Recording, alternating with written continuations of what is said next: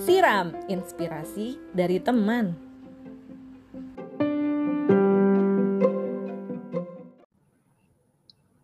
Halo Mas Oki. Halo, halo Steph. Halo Mas. Wah, nih teman-teman yang dengerin ya, ini adalah sesuatu hal yang amazing. Maksudnya aku sekarang ya di episode kali ini uh, kedatangan guest bernama Mas Oki yang nama lengkapnya adalah Mas Yuda Oki Pratama, yang tadinya adalah kakak kelasku di Semanti, tapi sekarang dianya udah ke mana-mana, gitu kan, melanglang buana di dunia. Ini adalah suatu apa ya? Bukan beban, tapi lebih ke arah honor gitu mas untuk aku. It's an honor for me uh, to get you as a guest gitu mas di podcast aku. Jadi terima kasih, wah, makasih. Enggak lah, enggak gitu kita mas. ya jadi mas Oki, sorry ya kalau aku di awal kayak wah gitu heboh banget karena memang seheboh itu sih mas. Jujur dan aku juga udah bilang kan ke mas Oki karena uh, aku so far ngikutin perjalanan mas Oki di LinkedIn. Jadi uh, tiap mas update apa itu aku kayak wah wah gila nih Mas Oki sekarang di sini di sini gitu kan. Dan uh, Yes, sebelum kita uh, ngobrol lebih jauh, uh, seperti biasa Mas, di podcast aku tuh aku ada sesi kenalan dulu nih sama guestnya. Jadi kan aku udah familiar, uh, aku udah familiar dengan Mas Oki, uh, tapi uh, pendengar dari podcastku yang aku sebut sahabat siram, siram is uh, inspirasi dari teman Mas, jadi uh, sahabat siram. Nah itu mereka mungkin belum familiar kan. Uh, siapa sih Mas Yuda Oki Pratama ini? Gitu kan. Nah biasanya aku ceritain dari sisiku dulu nih. Uh, kemudian setelah yeah. itu aku, uh, uh, aku kasih kesempatan ke guestnya untuk kayak memperkenalkan diri gitu. Nah jadi uh, tadi aku, aku udah uh, share sedikit bahwa aku kenal Mas Oki ini di SMA 3 Malang atau Semanti singkatannya dan dulu tuh Mas Oki ini adalah ketua OSIS, uh, teman-teman. Jadi wakil uh, ketua ya, wakil ketua lebih tepatnya. Oke, okay, wakil ketua ya. Tapi entah kenapa waktu itu aku melihatnya ketua OSIS ya. Tapi ya, okay. alhamdulillah mudah-mudahan. itu sudah positif ya. ya itu positif karena mungkin lebih uh, ini ya, lebih melanglang buana, lebih kelihatan. Dulu siapa ya Mas ketua OSISnya ya Mas? Cato namanya kamu pasti tahu juga ah, lah. Astaga, ya maaf Mas Cato kalau nanti dengerin. Iya ya aku tahu, aku tahu Mas Cato. Uh -uh. Jadi uh, ya uh, pada intinya uh, Mas Yuda ini atau Mas Oki ya sebenarnya ya apa nama depannya memang Yuda tapi dipanggilnya lebih ke Okinya ya Mas ya, Mas Oki. Betul gitu betul. Ya. Uh, uh, uh, jadi memang Mas Oki sama Mas Cato itu ya uh, aktif banget lah di OSIS di Semanti kala itu. Jadi walaupun aku mungkin dulu nggak ngobrol, nggak pernah kenalan officially, tapi I know uh, Mas Oki ini dan uh, tahu juga teman-teman di OSISnya siapa gitu kan. Dan uh, setelah itu makanya aku kayaknya nge-add juga di LinkedIn dan pada akhirnya itu tadi uh, mengikuti portofolionya Mas Oki lah kayak gitu. Nah, jadi mungkin itu ya Mas uh, perkenalan singkat dari aku. Kemudian nextnya aku kasih kesempatan ke Mas Oki nih untuk kenalan sama teman-teman sahabat siram. Monggo Mas. Ya, makasih Steph. Ya, uh, ya teman-teman jadi kenalin uh, aku Oki dulu seniornya Steffi di SMA 3 Malang. Jadi memang aku asalnya dari Malang sih, lebih tepatnya Lawang dari Lawang. Jadi dulu aku kecilnya di Lawang, terus sampai SMP di sana, baru mm -hmm. SMA-nya ke Malang gitu. Terus uh, kalau dari sisi background sendiri bidangku lebih di teknologi sama bisnis ya. Jadi sekolahnya dulu di teknik informatika. Mm-hmm. Terus habis itu sempat jadi konsultan manajemen. Nah dari situ ke mix lah ya backgroundnya antara teknologi dan bisnis sampai akhirnya sampai sekarang mm-hmm. lebih banyak berkecimpung di gimana sih mengembangkan produk-produk teknologi gitu sih. Sampai di titik mm-hmm. ini sekarang uh, uh, mohon doanya sekarang lagi mulai bikin startup sendiri jadi mulai dari bulan Juni. Sampai sampai sekarang ini lagi inilah mengusahakan untuk bikin startup sendiri. Ya pasti Itulah mas pasti. Mm-hmm. ya. Oke. Okay. ya ada lagi? Sorry mas Oki? Udah udah itu aja Oke, sip. Jadi terakhir tadi Mas Oki bilang bahwa sekarang, eee, memang lagi merintis ya sebuah startup yang dimulai dari bulan Juni. Berarti kalau sekarang Juni, Juli, Agustus, September udah jalan, eee, 4 bulan sebenarnya ya, Mas, ya? Betul betul. Kalau ofisialnya ya 4 bulan ya, sebetulnya sih Mmm. kalau apa, kayak riset-riset, terus, eee, market testing itu udah dimulai dari akhir tahun lalu lah. Jadi udah, ya 9 bulanan gitu ya, 9, 10 bulan gitu. Ah, oke oke, siap siap. Wah, keren ya. Jadi kayak udah bikin startup sendiri gitu, teman-teman. Dan tadi Mas Oki sempet bilang bahwa memang, eee, ketika kuliah itu ambil jurusannya TI ya, Mas, ya, Teknik Informatika. Nah, itu Mhm. di di ITB kan, Mas, ya? Mhm mhm. Itu singkatnya IF by the way ya, buat koreksi. Kalau TI itu teknik industri biasanya, Oh, iya iya, bener. Ka kalau TI orang ngomongnya eee, kalau informatika orang bukan singkatnya bukan TI ya. Bener sih, itu Bukan, lebih ke teknik mhm. industri. Iya iya. Oke, berarti lebih lebih ke Kalau IF di ITB sebutnya IF ya, itu tapi itu itu, eee, terminologinya ITB aja sih. Mhm, kepanjangannya apa, Mas, IF? Informatika aja, informatika, bukan bukan Ah. singkatan. Ah, oke oke oke. Jadi buat anak-anak ITB yang dengerin harusnya udah familiar ya, kalau IF Mhm. informatika gitu ya. Tapi kita yang mhm. di luar ITB juga baru tahu sih, bener, Mas. Oh, iya ya. Oke. Yes, IF berarti itu part of, eee, STEI ya, Mas, ya, atau STEI ya, Betul, fakultas iya. heeh. Mhm mhm. Which is itu tuh dulu pas SMA ya, Mas, pas kita heboh-heboh mau ngelamar kuliah atau ya itulah, memulai Mhm. jenjang perkuliahan, itu tuh kayak, eee, pada tahu gitu, Mas, STEI kan susah banget gitu kan, kayak Mhm eee, di ITB itu masuknya susah, kuliahnya susah, lulusnya susah, gitu kan. Nah, jadi dulu apa sih yang kayak memotivasi Mas Oki untuk masuk ke fakultas STEI dan akhirnya spesifiknya di IF itu tadi, gitu? Boleh di-share nggak sih, Mhm. Mas? Boleh boleh banget, mmm, tapi ini tidak inspiring ya, walaupun judul podcast-nya inspiring. Jadi jadi kan, No problem, eee, iya. aku jujur aja ya, maksudnya sebagai anak SMA dan aku yakin kebanyakan anak SMA tuh sebenarnya nggak tahu juga dia maunya apa kan. Yes. Eee, ya nggak semua pastinya ya, tapi tapi banyak lah yang seperti itu, termasuk juga aku. Aku harus Ya, mengakui aku juga juga. seperti itu. Ya, dan aku kayak juga, Mas. Yes. Heeh. Jadi caraku milih jurusan tuh waktu itu dimulai dengan mengeliminasi apa sih yang aku nggak mau masuk gitu, itu dulu. Oke. Jadi aku i yang jelas aku nggak mau masuk yang IPS related karena s di Mhm. SMA aku setiap ada apa, mata pelajaran IPS itu selalu remedi. Oke. selalu tuh kayak Mhm. 100% rekor, selalu remedi. Jadi ya it Oke. aku udah tahu lah aku nggak mungkin masuk, eee, Heeh. terus yang kedua aku nggak pengen kedokteran. Nah, tadi Mhm. sisanya kan teknik nih. Yes, Nah, bener. terus di antara teknik itu apa ya yang keren, udah sih gitu doang sih. Sesederhana itu, terus kayaknya pada saat Ah. itu kok, mmm, dunia semakin me bergerak ke arah teknologi informasi ya, walaupun aku ngelihatnya cuma dari dari sosial media gitu kan yang mulai bermunculan Mhm. Facebook lah, BlackBerry dan seterusnya gitu-gitu kan ya. Oh, ini Yes. kayaknya nih, apa, STEI ini kayaknya keren nih, terus udah gitu passing grade-nya tinggi kan, wah harusnya sih oke Wah. ya, gitu. Oke, jadi Mas udah tahu STEI ini adalah, eee, jurusan yang memang atau fakultas yang memang potensial untuk ke depannya, tapi di satu sisi Mas ngelihat, "Oh, passing grade-nya tinggi, berarti nih challenging nih, kalau gua bisa masuk kala itu," gitu ya, Mas, ya. Berarti ini pencapaian nih bagi aku gitu, bener nggak, Mas? Ya kurang lebih gitulah, itu itu Ah. inilah ya, pemikiran Mmm. anak SMA yang nggak tahu apa-apa ya. Yes yes.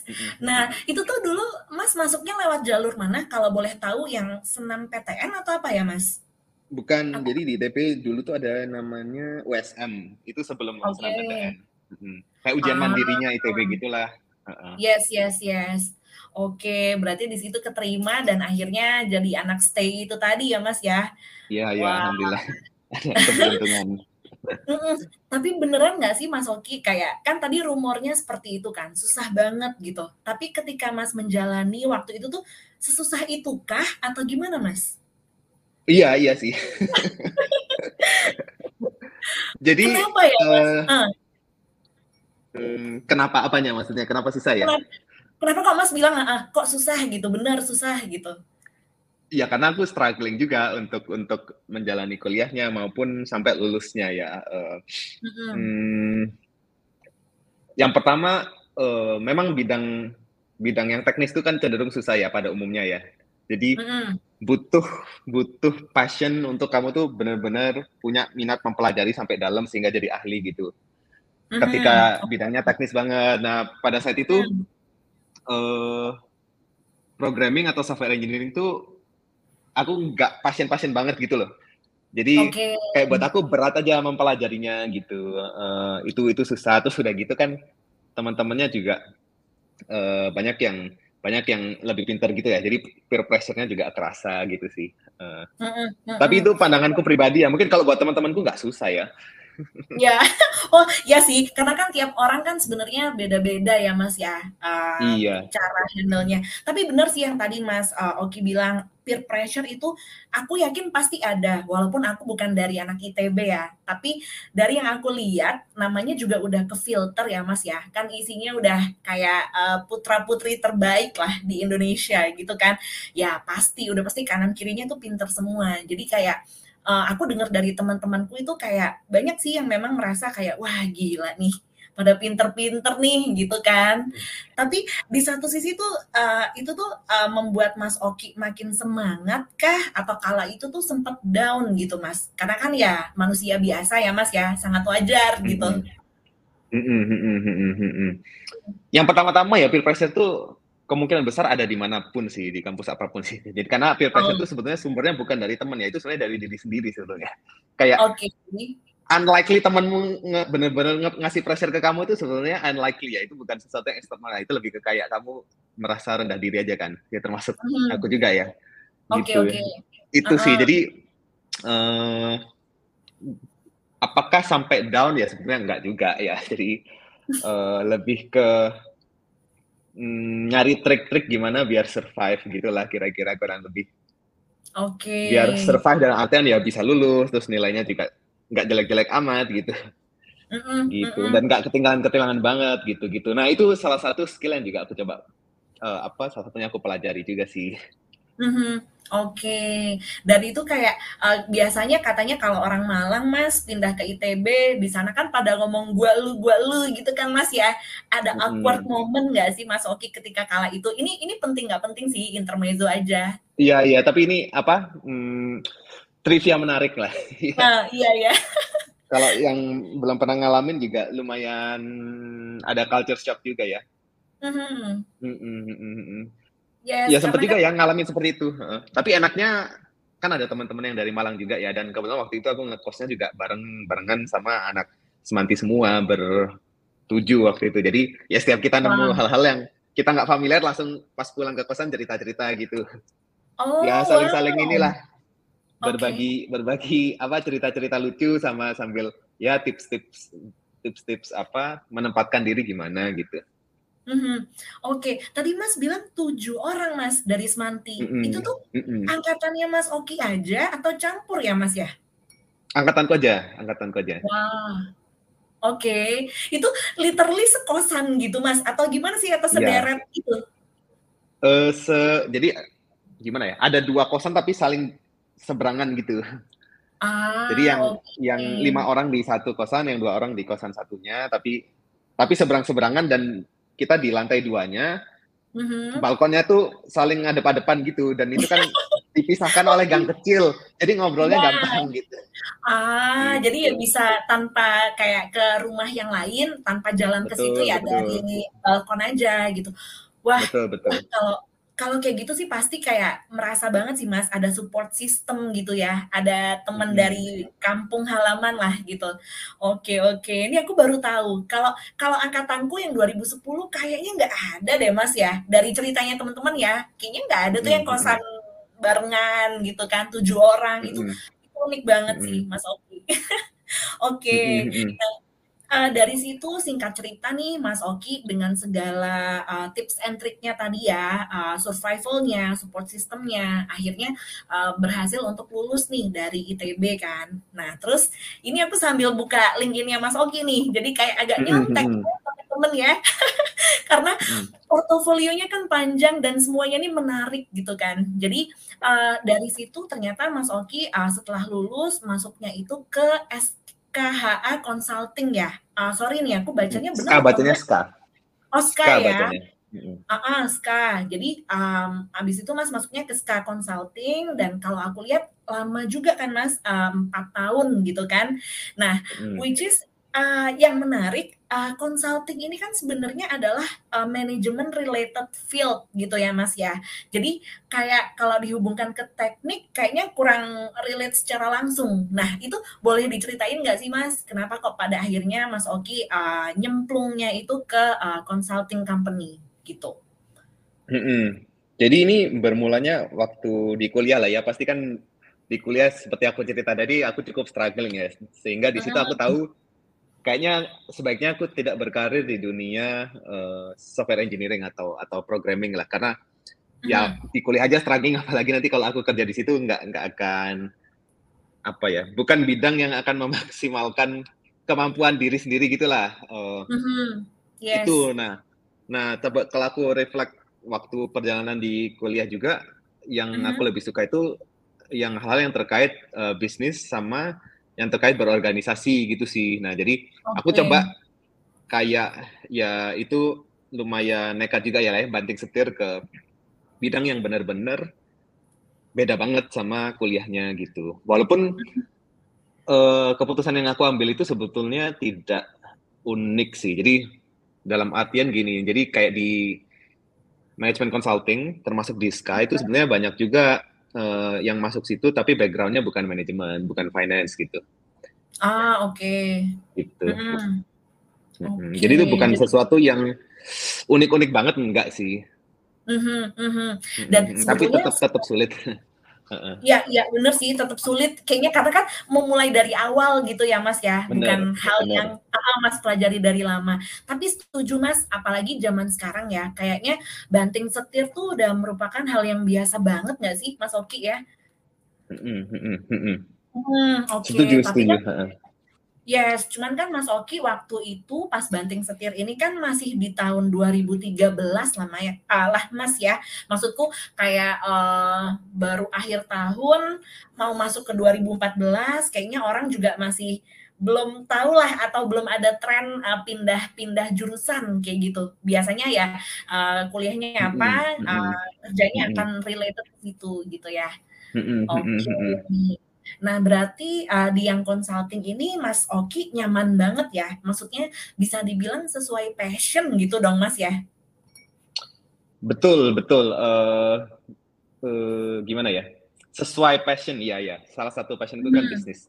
Gimana ya, Mhm. sebenarnya passion-ku yang paling passion banget tuh bisnis tapi di bidang teknologi. Nah, Oke. ini bisnisnya dapet tapi bidang teknologinya nggak dapet gitu sih. Eee, tapi tetep Ah. tetep tetep happy waktu di sananya. Mhm. Oke. Mas tadi bilang, eee, passion-nya di bisnis teknologi. Ada istilah kerennya nggak sih Mas? Bisa dibilang Istilah fintech istilahnya ya tech tech industry, enggak, ya tech Ah. industry aja, heeh. Oh, Atau atau startup, aja. heeh, tech company gitu-gitulah, heeh. Mhm mhm. Oke. Nah, setelah Mas Oki kayak udah 4 tahun ya di yang SKA itu, eee, next-nya kan Mas pindah ke Traveloka kan. Nah, kalau aku baca heeh, Mas jadi product manager. Nah itu itu ceritanya gimana lagi tuh Mas? Eee, kenapa kok Cerita akhirnya apanya? ya dari consulting kan, consulting kayak Mhm. relate to bisnis banget dan, eee, Mhm. product manager ini kalau aku, eee, kalau setahu aku ya, biasanya kan akan working on the pricing of the product. Kemudian kayak, mmm, eee, intinya nge-build produk yang bisa dijual, yang bisa mengalahkan kompetitor lah, kayak gitu. Nah, Ya. nyambungnya tuh gimana sih heeh, Mas Oki ke situnya? Iya, jadi itu kan sebenarnya kembali ke cerita awal waktu aku lulus. Jadi sebetulnya role product manager itu tuh, waktu aku tahu ada role itu tuh aku langsung kayak merasa apa ya resonate Panggilan. ya, bahasa Inggrisnya ya, kayak, Ah, "Oh, ini nih yang sebenarnya aku pengen dari dulu, coba oke. role ini ada waktu aku lulus mungkin aku langsung ambil role ini." Cuman pada Mhm. waktu itu mungkin ada tapi aku nggak aware ya karena, eee, apa, startup-startup kan pada saat aku lulus waktu itu belum bermunculan lah ya. Ada tapi Mhm. orang belum banyak tahu gitu. Nah, jadi waktu Yes. masih kerja di SKA kan, eee kerja di mungkin di tahun ya di tahun ke-3 gitulah ya udah mulai lihat, oh ada nih tech company kayak gini, kayak ya kayak yang populer-populer itulah ya, eee, Gojek, Mhm Grab, mhm. Traveloka, Tokopedia gitu dan ada role yang namanya product manager. Jadi product manager itu kan sederhananya irisan antara bisnis terus apa teknologi Apa? sama Oh, desain. teknologi? Heeh. Oke. Gitu. Nah, ini kan wah ini nih yang sebetulnya uh, kayaknya aku paling cocok gitu. Jadi bisnisnya dapat, teknologinya dapat gitu. Jadi Mhm, waktu mhm. itu ya udahlah um, nah aku mutusin untuk uh, pindah ke role, role yang seperti itu gitu. Mhm. Walaupun proses dari memutuskan sampai beneran pindah itu cukup lama ya. Oh, Hmm. sorry. Proses memutuskannya sih yang lama biasalah kalau orang mau resign suka kadang-kadang ngomong-ngomong terus tapi nggak dijalankan. Yes, yes, kayak back on eh, back and forth gitu lah Mas ya. Kayak, Mhm, aduh resign nggak ya? Karena kalau aku bisa mengasumsikan, Mas kayaknya di yang Sky itu udah nyaman banget kan? Maksudnya kayak udah 4 Bener. tahun. Heeh, kayak ibarat kata udah tau lah isinya kayak gimana gitu kan. Bener, Kalau Mas pindah kan, eee, ya it's a 50-50 chance lah kira-kira suka atau Bener. enggak gitu. Heeh, oke. Iya.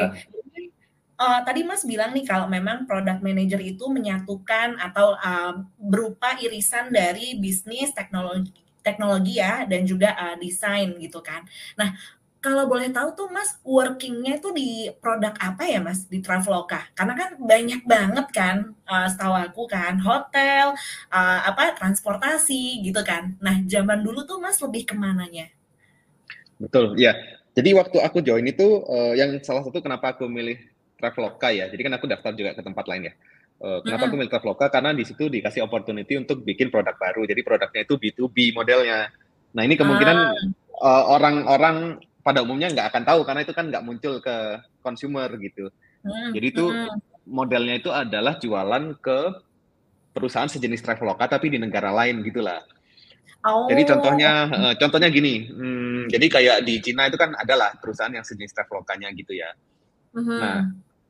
Kita tuh kerjasama dalam bentuk, eee, Traveloka menyediakan supply hotelnya gitu contohnya ya. Mhm. Si yang Travelokanya Cina ini ngasih customer-nya gitu. Jadi bayanginnya gini, misalkan Oh. heeh, misalkan ada orang Cina mau traveling ke Bali gitu. Mhm, mhm. Nah, si Travelokanya Cina ini kan customer Cina itu kan aksesnya ke situ. Tapi si Mhm. Traveloka Cina kan nggak punya tuh hotel di Bali, yang punya kan Traveloka. Nah, itu kayak kita bikin koneksi gitulah, istilahnya API connectivity gitu ya, nggak tahu kalau kalau familiar. Tapi intinya, Ya, eee, heeh. antar sistemnya kita eh, sorry, sistemnya Traveloka sama sistemnya dia dikoneksikan sehingga, eee, bisa jualan yang seperti itu. Nah, itu sih Mhm. yang aku bikin waktu itu. Jadi, mmm, sebagian besar orang yang nggak familiar, yang bukan insider kemungkinan nggak tahu juga. Mhm, mhm. Oh, oke. Jadi jatuhnya B2B dan Mas kayak itu tadi ya, eee, menggunakan API untuk connect ke, eee, Traveloka yang di Cinanya lah gitu ya, Mas ya? Betul, di di banyak negara sih, nggak cuman Cina. Intinya yang Oh, di heeh, luar Asia Tenggara gitu? ya. Oke oke. Berarti kalau untuk cakupan produknya waktu itu luas ya, Mas? Nggak cuman hotel mungkin ya, tapi kalau dia mau, eee, ke apa sih, atrak atraksi gitu nggak sih? Kayak tempat pijet, kayak atau tempat I don't know, kayak, eee, alun-alun gitu-gitu bisa berarti ya, Mas ya? Pada saat itu belum bisa sih, kan waktu itu development-nya Ah. bertahap ya. Jadi kita mulainya dari hotel sama flight dulu. Nah, kalau 2 itu bisa. Ah, oke Heeh, pas oke aku di sana sih baru 2 itulah, yang produk lainnya belum Mhm. belum dijual secara B2B. Mhm, oke, hotel sama flight lah ya. Oke Mhm. oke. Nah, di situlah tuh teman-teman, jadi kalau aku boleh share ke sahabat Siram nih, Mas Oki, di situ aku mulai notice, karena ketika aku mau kerja, waktu itu tuh sempet, eee, ngelamar di, eee, Traveloka gitu kan, dan cukup seksi juga waktu itu, karena kan, eee, salah satu startup juga lah Mas ya, dan, eee, langsung melejit lah. Jadi kayaknya banyak fresh graduate yang pada akhirnya pengen nih kerja di Traveloka gitu, dan aku notice, oh ada nih kakak kelas aku kerja di Traveloka, which is Mas Oki, kayak gitu. Nah, oke Mas, kalau kembali lagi ke perjalanan, eee, perjalanannya Mas Oki dari Traveloka, itu kan sempet ada ambil internship ya Mas ya, di Amazon gitu kan, which is ini adalah another big thing gitu Mas. Karena kan aku, eee, background-nya memang, eee, sekarang ini kerja di e-commerce, eee, which is aku di Mhm. Lazada, Mas Oki mhm. Jadi ketika aku melihat update-an Mas Oki kayak di Amazon, kayak wow gitu, kayak wah kan Amazon kan kayak I don't know ya, correct me if I'm wrong Mas, tapi kan sekarang ini kayak one of the biggest uh, e-commerce company in the world gitu kan. Nah jadi yeah, maybe the biggest ya, mungkin mungkin nomor satu lah ya. Oke, okay, berarti bukan one of but the biggest ya sekarang ya Mas ya. Yeah. Uh -uh. Nah, jadi uh, of course aku tahu nih Mas Oki uh, masuknya pasti ada ada jalannya lah, entah mau uh, apa lewat koneksi atau mungkin Mas apply sendiri atau gimana. Tapi kenapa sih kok akhirnya Mas kepikiran nih, oh aku mau coba ah internship di e-commerce. Dan waktu itu kan posisinya udah kerja ya Mas ya. Kenapa kok Mas Oki tertarik mencoba internship gitu? Nggak nggak sekalian kerja aja di situ gitu? Hmm. Nah, internship itu tuh bukan waktu udah kerja Steph. Jadi itu tuh hmm, setelah aku dari Traveloka kan aku ambil MBA di MIT. Okay, nah, jadi internship nah, itu tuh waktu aku kuliah, uh, waktu aku kuliah ah. di MIT sebetulnya. Uh, gitu. Okay, jadi okay, okay. ya kayak kayak anak kuliah biasanya kan ada liburan tuh setelah semester ya pokoknya di bulan-bulan Juni sampai sampai September atau uh, ya Mei Mei Juni Juli Agustus itu kan libur biasanya. Hmm. Nah, itu biasanya diisi dengan internship gitu. Gitu sih ceritanya. Ah, oke. Okay. Yes, yes. Oke, okay. sorry ya Mas Oki ya, karena kan aku ngikutinnya di LinkedIn. Enggak apa-apa, enggak apa-apa. Oke, oke. Berarti mungkin kita sebelum uh, ke situ tadi ya Mas, aku mungkin balik sedikit berarti ke arah akademiknya Mas Oki ya. Jadi setelah hmm Mas lulus nih kalau secara akademis kan uh, yang pertama S1-nya di ITB, kemudian yang S2-nya kan Mas tadi di MIT ya, lebih tepatnya di MIT yang Sloan ya, Sloan School of Business lah gitu. Nah, itu juga ya aku bisa bilang lah again another big thing gitu kan kayak maksudnya wah MIT gitu kan kayak semua orang tahu lah mas kalau itu salah satu uh, kampus favorit lah di dunia gitu kan nah jadi Uh, pengen tahu kalau dari ceritanya Mas Oki sendiri, kenapa sih waktu itu Mas kayak decide untuk masuk ke MIT Sloan, and then um, ya intinya kenapa Mas ngambil jurusan uh, waktu itu apa manajemen ya Mas ya di MIT? Ya MBA, MBA spesifiknya. MBA. Ah oke, okay. yeah. jadi kan uh, kalau tadi kita yang yang udah kita dengar kan Mas memang ada ketertarikan di manajemen juga kan gitu kan. Betul. Uh, jadi uh, uh, apakah itu memang melanjutkan quote unquote uh, passionnya Mas Oki atau karena waktu itu ada opportunity-nya aja sehingga Mas Oki pengen ambil gitu? Hmm, lebih ke gini sih, uh, melanjutkan passion tapi pengen ke apa ya? Ya dalam tanda kutip jenjang berikutnya. Jadi kan waktu aku kerja di Traveloka kan bisa dibilang mulai bikin produk tuh dari awal banget ya dan itu aku menemukan bahwa oh aku suka ngerjain yang kayak gini nih gitu. Okay. Uh, tapi waktu itu karena di Traveloka jadi resourcesnya banyak lah ya. Kalau butuh orang ya kita mm. hire aja ke HR-nya gitu. Nah, mm. tapi at, tapi kalau bikin startup sendiri kan beda lah challenge-nya. Nah, itu aku pengen pengen ambil challenge ke situ, tapi uh, aku merasa belum siap pada saat itu gitu. Uh, gitulah. Okay. Mm. Ya, biasanya aku soalnya kalau gimana ya bukan tipe yang risk taker banget sebetulnya jadi okay. waktu itu aku merasa belum siap terus aku kepikiran apa ya kayak buat transisi menuju ke situ tuh apa ya nah itu kayaknya uh, sekolah di MBA kayaknya cocok gitu uh, uh-huh. sekolah di MBA cocok cocoknya kenapa karena ya startup kan terkait manajemen terus selain itu di MBA juga ada yang yang hmm, konsentrasinya ke bidang-bidang industri teknologi gitu ya. Uh-huh. Itu juga sih salah satunya kenapa aku pilih di MIT karena kan uh, teknologinya kuat ya, maksudnya nggak cuma bisnisnya aja. Yes. Gitu, gitu. Selain uh, mungkin aku sempat cerita ke kamu sebelumnya, selain juga uh, eh, MBA atau business school itu cenderung gampang untuk lulusnya gitu. Jadi kamu punya waktu untuk mengeksplor di luar akademik gitu. Jadi akademiknya membantu di luar akademiknya ini buat yang benar-benar prakteknya. Uh-huh. Itu alasannya. Uh-huh. Oke, oke, oke, noted. Jadi uh, ketika Mas juga udah um, apa belajar di MIT-nya itu Mas juga ada waktu untuk explore itu tadi ya. Makanya tadi untuk mempraktekkan yang dipelajari gitulah sederhananya. Yes. Ya, ya. Jadi kayak belajar tapi langsung bisa praktek. Kemudian Mas juga masih bisa nyempilin waktu untuk kayak tadi Mas mention uh, ambil internship sekalian di Amazon gitu kan. Wah, hmm. which is kalau aku lihat juga Mas kayaknya ada join organisasi di MIT-nya sendiri ya Mas ya. Namanya Legatum hmm. Fellow. Uh-uh. Nah, itu Betul. kalau itu apa lagi, Mas? Uh-uh. Ya, legatum itu itu apa ya kalau di Indonesia setaranya? Jadi itu kayak ada satu institusi di dalam MIT yang memang bidangnya itu ngurusin entrepreneurship di negara berkembang gitu kurang lebih. Mhm. Nah, berhubung aku memang pengen menuju ke arah ke arah entrepreneurship dan berasal dari Indonesia gitu ya negara berkembang, ya udah Mhm. aku ikut programnya dia. Jadi dia itu ada program fellowship setiap setiap tahun tuh ada dia buka program fellowship eh, Mhm. ya diseleksi gitulah ya.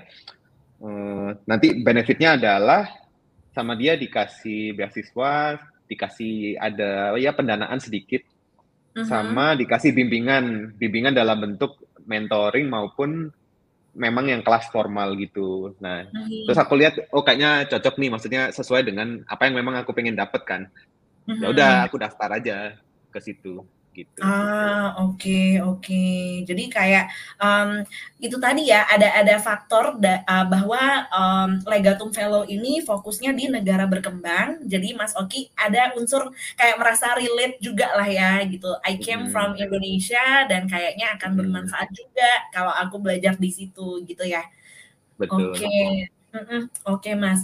Nah tapi sekarang kalau kita fokusin nih Mas ya, ke MIT-nya sendiri gitu kan, which is aku baru baru tahu akhir-akhir ini sih ketika aku memang kayak research lah sebelum, eee eee, interview atau, eee, bikin podcast sama Mas Oki, eee, ternyata MIT MIT itu ada MIT, eee, Business School gitu ya Mas ya. Jadi Mhm. kalau kalau orang Indonesia biasanya kan familiarnya kayak ITB gitu kan Mas, kayak ITB, Mhm. Sekolah teknik, eee, tapi ada Mhm. SBM ITB heeh, yang fokus ke manajemen. Ya, nah apakah Mhm. MIT Sloan ini sama dengan itu Mas, kalau di Indonesia sendiri? Betul betul betul. Kurang lebih kayak Mmm. gitulah. Oke oke. Berarti tapi Mas tetep ada kesempatan datang ke kampus MIT-nya nggak sih Mas? Itu sebelah-sebelahan atau gimana Mas? Ya kampusnya jadi satu, kampus MIT juga. Cuman ya ada gedung ada gedungnya Sloan sendiri, ya samalah kayak ada gedung SBM sendiri kan, ada gedung jurusan apa sendiri, jurusan i Mhm apa sendiri mhm. gitu. Ya mirip kayak ITB lah ya, eee, ya kampusnya sih masih jadi satu, cuman beda Mhm. jurusan, beda fakultas saja. Mhm, which is itu di Massachusetts ya Mas ya, lokasinya ya? Mhm mhm Sesuai namanya. Wah, ini aku mau kayak ada ini sih Mas, kayak kepo bentar gitu kan. Gimana sih Mhm, Mas. Oki gimana sih rasanya kayak kuliah di tempat yang kayak favorit hampir semua orang, kayak everybody is dreaming to, eee eee, ya bersekolah atau berkuliah di MIT itu ya Mas ya. Banyak gitu orang-orang yang even emang dia udah pinter banget, tapi ternyata I don't know, mungkin takdirnya dia bukan di MIT atau mungkin dia sesimpel kalah lah, maksudnya dia udah bersaing tapi dia nggak dapet gitu kan. Nah, bisa dibilang kan Mas Oki ini dapet kayak one in a million opportunity gitu kan, dengan segala, eee, keunggulannya Mas Oki lah gitu kan. Tapi once Mas Oki masuk ke sana, apa sih yang Mas rasain kala itu tuh? Kalau boleh kepo gitu ya. Apakah memang orang-orang itu sekeren itu kah? Atau sebenarnya biasa aja sih Steph gitu? Kayak gimana sih Mas? Gimana ya, eee, ya alhamdulillah sih aku lolos itu ya banyak keberuntungannya juga ya, karena untuk mencapai yang seperti ini tuh sebetulnya banyak banyak banyak faktor yang menyebabkan itu juga luck lah ya, Mmm. karena orang yang capable tuh sebenarnya banyak lah, eee Mhm. Nah, apa yang dirasakan ya, jadi Ya. memang mungkin aku cerita pas pertama pertama kali datang aja lah, kayak seminggu, sebulan pertama gitu. Boleh. Itu, eee, pastinya culture culture shock yang lebih lebih lagi dibanding waktu aku masuk ITB lah. Karena waktu masuk Oke. ITB kan ya masih sama-sama Indonesia gitu. Mhm. Hal-hal yang hal-hal yang, eee, aku lihat di ITB, maksudnya dari teman-teman yang bukan dari Malang itu, ya mungkin itu sesuatu yang mungkin se sebetulnya sudah di-expect atau mungkin udah pernah nonton di TV atau gimana segala macam. Nah, tapi Mhm. yang di MIT ini kan beda lagi ya. Yang pertama Yes. bahasanya beda, itu dulu. Oke. Eee, yang kedua bercandanya kan pasti beda juga ya. Maksudnya Yes, sih, orang heeh. pengalaman hidup orang kan beda-beda, Mas, dan dan apa, culture orang kan beda-beda. Jadi hal yang dianggap lucu di kita bisa jadi dianggap ofensif di sana gitu. Nah, ada hal-hal yang seperti itu. Oke. Mhm. Gitu, eee, nah yang seperti seperti itu aku perlu butuh waktu adaptasi lah ya waktu itu untuk untuk apa, memahami, oh kayak gini, oh kayak gitu, gitu. Yang yang ini yang Mhm. ini apa ya, topik sensitif gitu, yang Mhm. yang ini nggak sensitif gitu.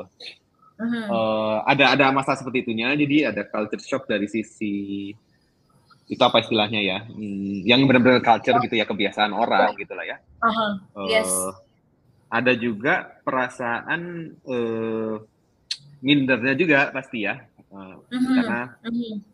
karena ya backgroundnya pada luar biasa ya maksudnya kalau di compare sama aku tuh kayak wah kok teman-temanku jago-jago ya gitu gitu jadi ada ada perasaan mindernya dan hmm, itu sih perasaannya tapi di sisi lain setelah menjalani beberapa saat itu uh-huh. baru kelihatan bahwa uh, at least di MIT gitu ya orang-orangnya tuh enggak yang terus sombong gitu enggak sih kebanyakan enggak gitu ya jadi hmm. lebih ke ya tipenya tuh orang yang enggak terlalu memikirkan hal-hal kayak uh, apa istilahnya ya kayak status prestis terus hmm. nilai bagus itu tuh bukan sesuatu yang yang dikejar dalam tanda kutip ya. Mereka nilainya tetap bagus, tapi kayak hmm. fokusnya tuh bukan itu. Jadi mereka fokus banyak ke hal-hal yang memang matter gitu.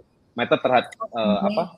Buat dirinya sendiri. Kayak misalkan oh orang yang pengen bikin bisnis ya dia fokus di bikin bisnis gitu uh, oh. gitu okay. atau uh, orang yang pengen belajar sesuatu ya dia memang benar-benar mempelajari itu dengan sampai sampai detail gitu jadi uh, hmm. itu sih yang aku impress ya jadi walaupun orangnya hmm, bisa dibilang luar biasa semua di sana tapi hmm. tapi orangnya tetap humble dan memang uh, apa ya nggak care lah sama hal-hal yang dalam tanda kutip itu sebenarnya nggak meter yang superficial gitu. Mm-hmm. Gitu. Oke, okay. Emang kayaknya beda ya Mas ya, kayak lingkungan ketika memang semuanya udah canggih-canggih gitu lah ya. Kayaknya uh, pemikiran mereka itu tadi ya Mas, kayak udah next level lah. Mereka udah nggak mikirin yang superficial, kayak orang lain ngelihat aku gimana sih, aku pengen masuk sini untuk prestis atau apa gitu. Bener nggak sih Mas? Kayak lebih lebih fokus in chasing uh, their dreams gitu nggak sih Mas? How to kayak mewujudkan mimpi yang mereka kejar dengan menggunakan uh, uh, fasilitas sekarang gitu. Bener nggak sih Mas Oki? Iya, tapi nggak 100% benar. Jadi aku kayak uh. Uh, mungkin ini mungkin ini unik di MIT ya. Uh, aku nggak tahu uh -huh. di tempat lain yang seperti itu juga. Yang mana aku nggak tahu. Tapi ada aku cukup sering dengar di beberapa tempat lain yang institusi yang juga apa ya uh, prestisius gitulah ya dari sisi namanya itu nggak seperti itu gitu. Uh, Oke. Okay. Ada yang memang lebih kompetitif, lebih suka sikut-sikutan dan bawa status itu penting, gitu-gitulah. Hmm, Oke. Okay. Uh, eh, gitulah ya, ya dunia ini kan orang macam-macam ya. Cuman. yes yes. Kalau MIT kayaknya uh, yang diterima yang seperti itu tadi gitu. Ah oke okay, oke. Okay. Nah, uh, jadi nggak cukup nggak boleh... cukup aja pinter gitu. Ya, ya, yes, yes, pasti ada kayak kayak value lain yang dikonsider juga gitu ya, Mas Oki ya.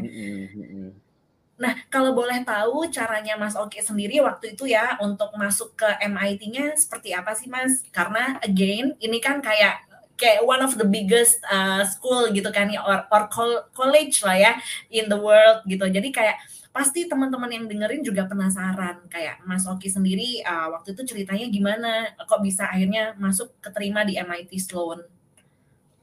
ceritanya gimana tuh? Apa? Cara daftarnya gimana? Atau uh, ya, apa tips-tips daftarnya atau gimana? Uh, mungkin cara daftarnya mas kayak gimana, kemudian any specific tips ketika misalnya di tahap interview, oh jawabnya kayak gini gitu-gitu. Hmm, hmm, hmm, Jadi biasanya tipsnya itu tuh spesifik dengan jurusan apa yang mau dimasukin sih. Uh, ini kebetulan aku MBA jadi uh, mendalaminya tips-tips MBA ya. Walaupun ada tema-tema tertentu yang kayak MIT itu cocoknya sama yang seperti ini itu ada gitu. Jadi uh, mungkin kalau boleh share MIT itu beberapa values-nya adalah uh, yang pertama itu ada istilahnya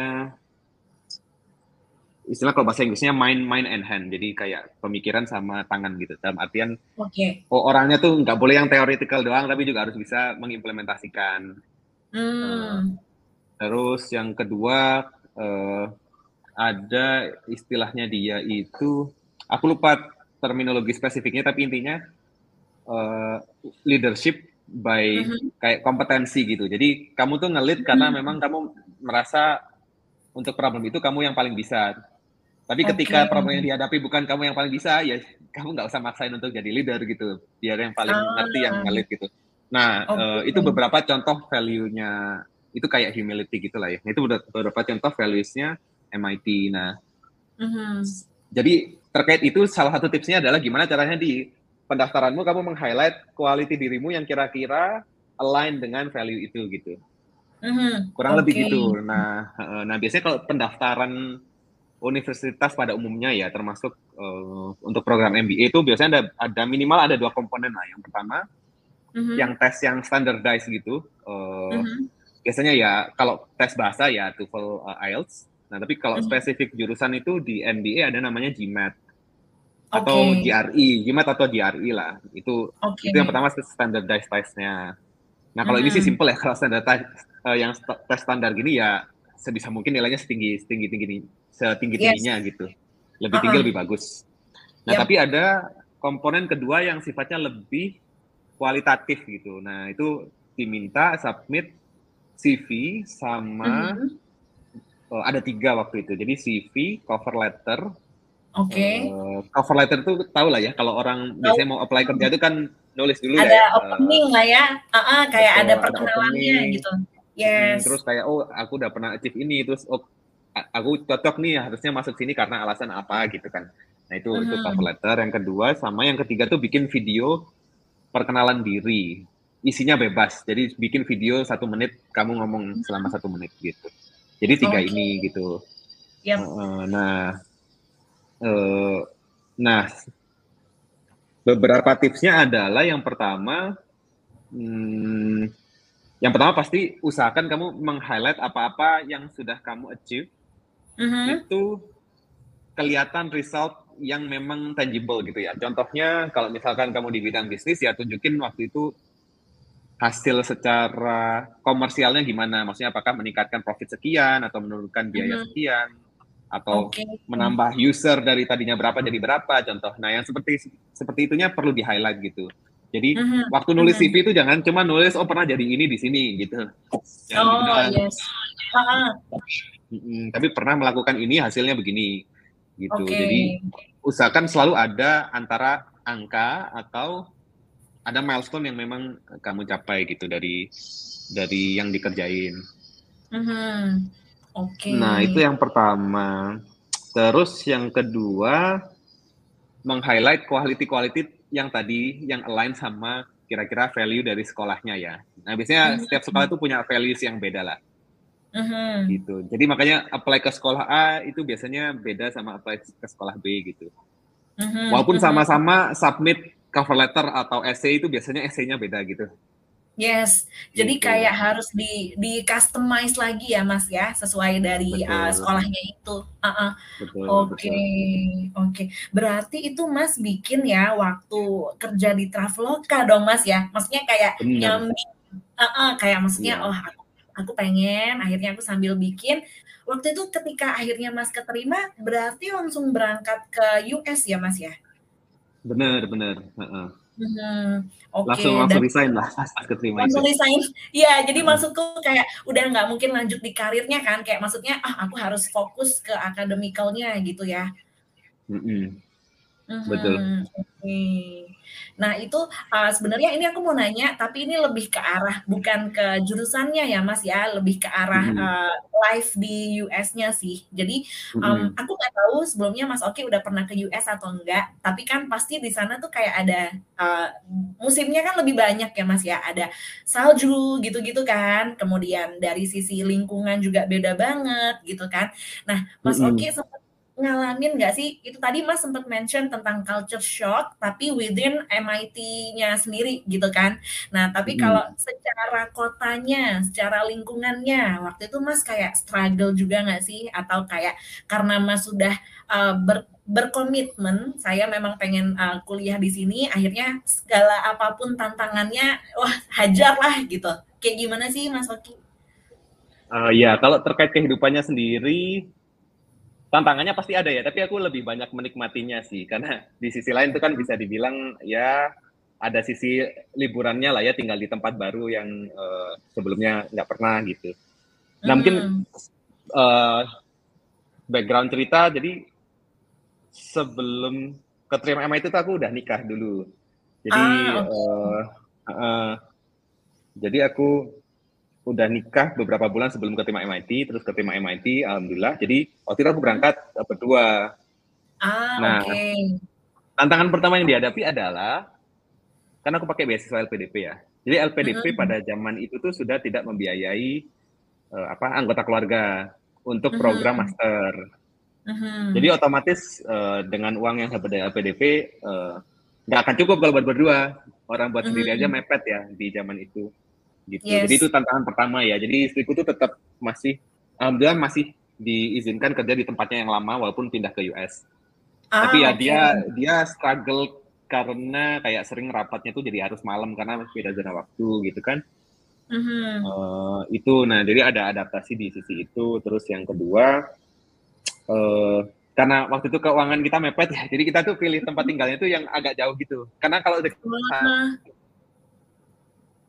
Eh, jadi yang jadi yang pertama waktu itu kita keterimanya tuh aku keterima itu kayak batch akhir-akhir sehingga udah telat untuk dapat yang di dorm yang murah itu kan biasanya di asramanya kampus. Yes. Eh, Nah itu aku udah Oke. kehabisan. Nah kalau di luar Ah. kampus yang deket itu mahal, jadi aku pilihnya agak jauh. Jadi aku setiap hari eh, hampir setiap hari lah ya itu bersepeda kayak ya 30 menit berangkat, 30 menit pulang gitu. Oh, Gitu. oke, oke.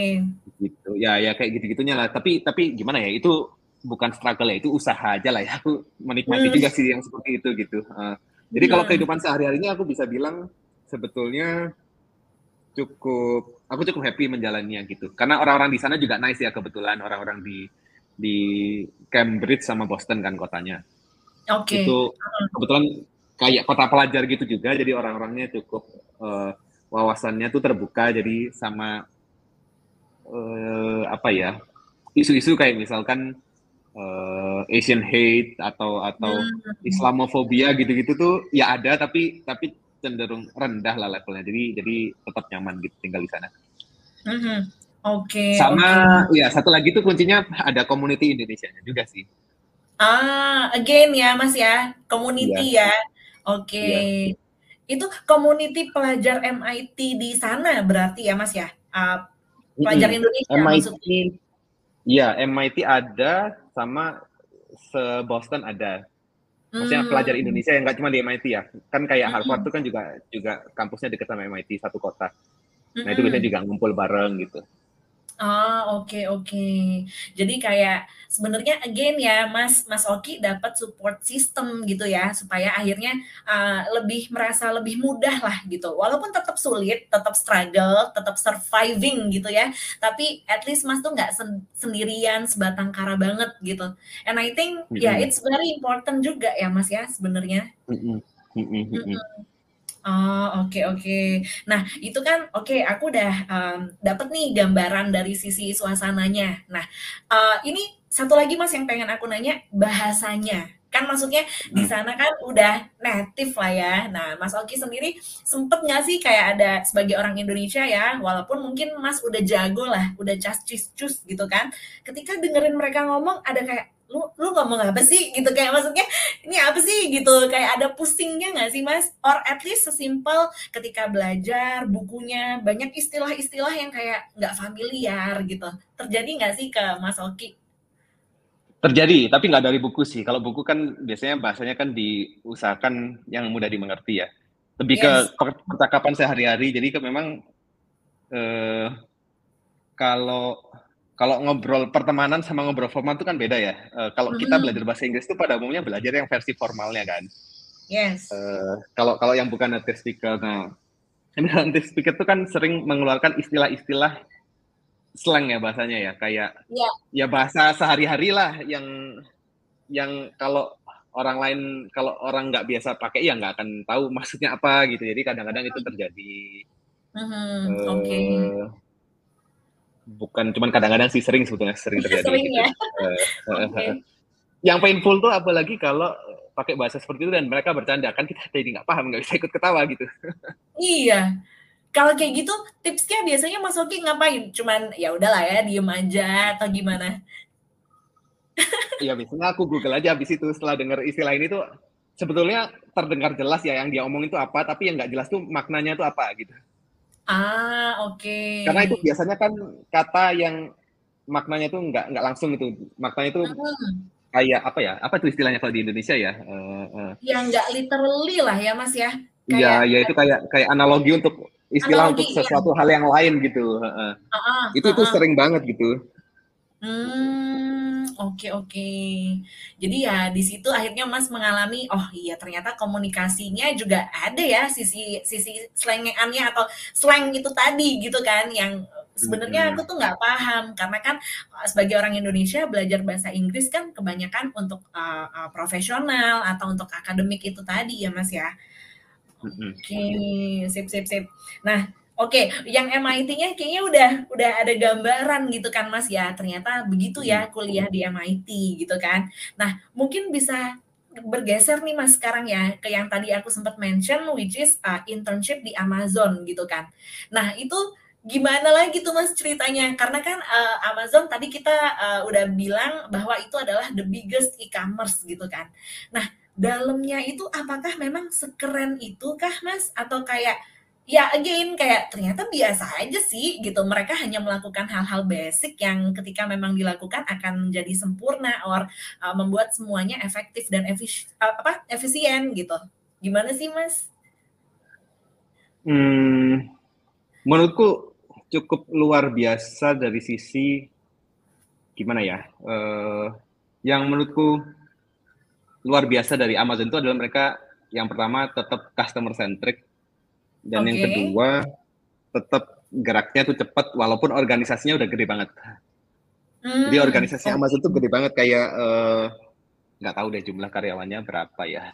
Ini aku googling hmm. cepet ya. uh, boleh boleh. Uh, uh, uh, belum nemu.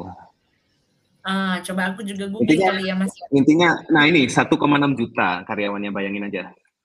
Wow, oke. Okay dan itu seluruh dunia gitu uh, Amazon kan udah internasional ya nggak cuma di US saja mm-hmm. jadi itu itu yang luar biasa sih maksudnya oh, oke okay, bisa bergerak cepat atau uh, oke okay, customer centric itu kan hal yang sering disebut ya tapi untuk mm-hmm. menjaga values itu sampai di organisasi yang ukurannya sebesar itu itu menurutku luar biasa sih walaupun aku nggak tahu juga caranya gimana lah ya Jeff Bezos bikin organisasi yang seperti mm-hmm. itu jadi di situ aku mm-hmm. uh, sangat impress waktu waktu uh, internship di sana. Oh oke okay, gitu. oke. Okay. Dan waktu itu kalau boleh tahu, um, Mas Oki internshipnya itu ngapain sih Mas? Masuknya kayak ke divisi yang mana dan uh, ngelakuin apa gitu? Mm -mm. Jadi role-nya kan product manager juga ya. Uh, nama mm. nama spesifik itu senior product manager tech. Oke. Okay. Jadi uh, ya product management tetap, uh, tapi mm. lebih ke produk yang agak teknikal. Jadi waktu itu uh, produknya payment. Mm-hmm. Jadi jadi payment um, ya biasa lah ya kalau di e-commerce kan biasanya sebelum check out mesti bayar dulu. Nah itulah sebenarnya yes. yang di manage. Gimana sih uh, menyediakan atau mempermudah orang bayar dan menyediakan lebih banyak opsi intinya gitulah uh, objektifnya. Mm-hmm. Untuk okay. customer Amazon sedunia. Nah itu challenge-nya sih. Kadang kan beda negara, oh. beda ini ya, beda metode yeah. pembayaran. Uh, Betul. Gitu sih. Oh oke, okay. berarti Mas fokus waktu itu ke sisi payment-nya lah ya uh, dari Amazon ini ya Mas ya. Dan sebenarnya Amazon tuh bisa dibeli, ya bisa dibeli dari Indonesia juga sih ya. Cuman kayaknya jarang aja gitu ya Mas ya orang Indonesia belanja di Amazon kecuali yang emang benar-benar udah paham butuh barang dari luar negeri ya nggak sih Mas? Mm -hmm. ya? Aku aja bahkan belum tahu cara beli dari Amazon tuh gimana kalau dari Indonesia. Nah, Heeh. Oke, jadi kayak emang emang sejarang itu gitu ya, Mas, ya, uh, orang Indonesia.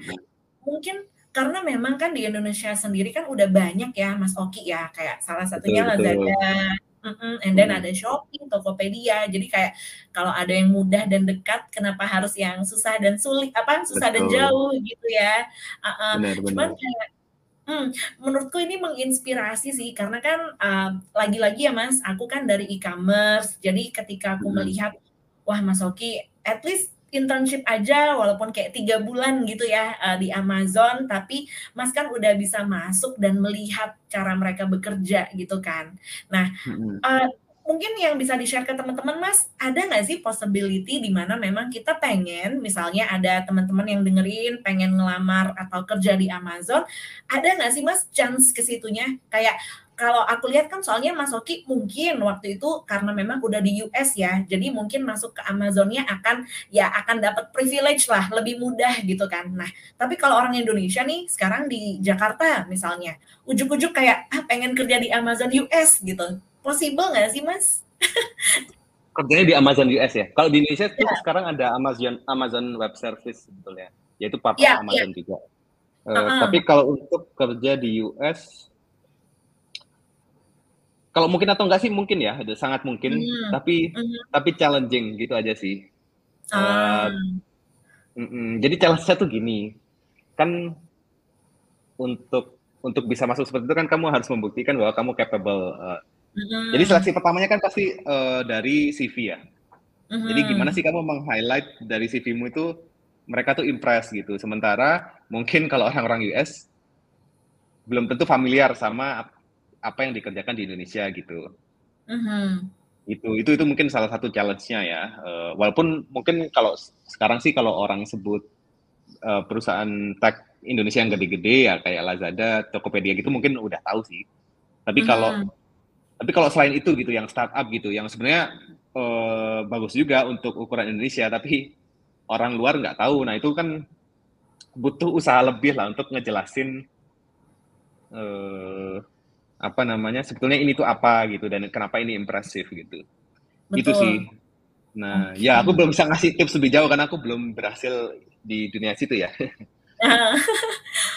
Oke, tapi Mas Yud, uh, Mas Oki, sorry dari tadi kesebutnya Mas Yuda gitu ya kepikirannya. Hmm. Mas Oki, uh, ketika di Amazon itu sendiri berarti di headquarternya gitu kah Mas atau di kantor cabangnya?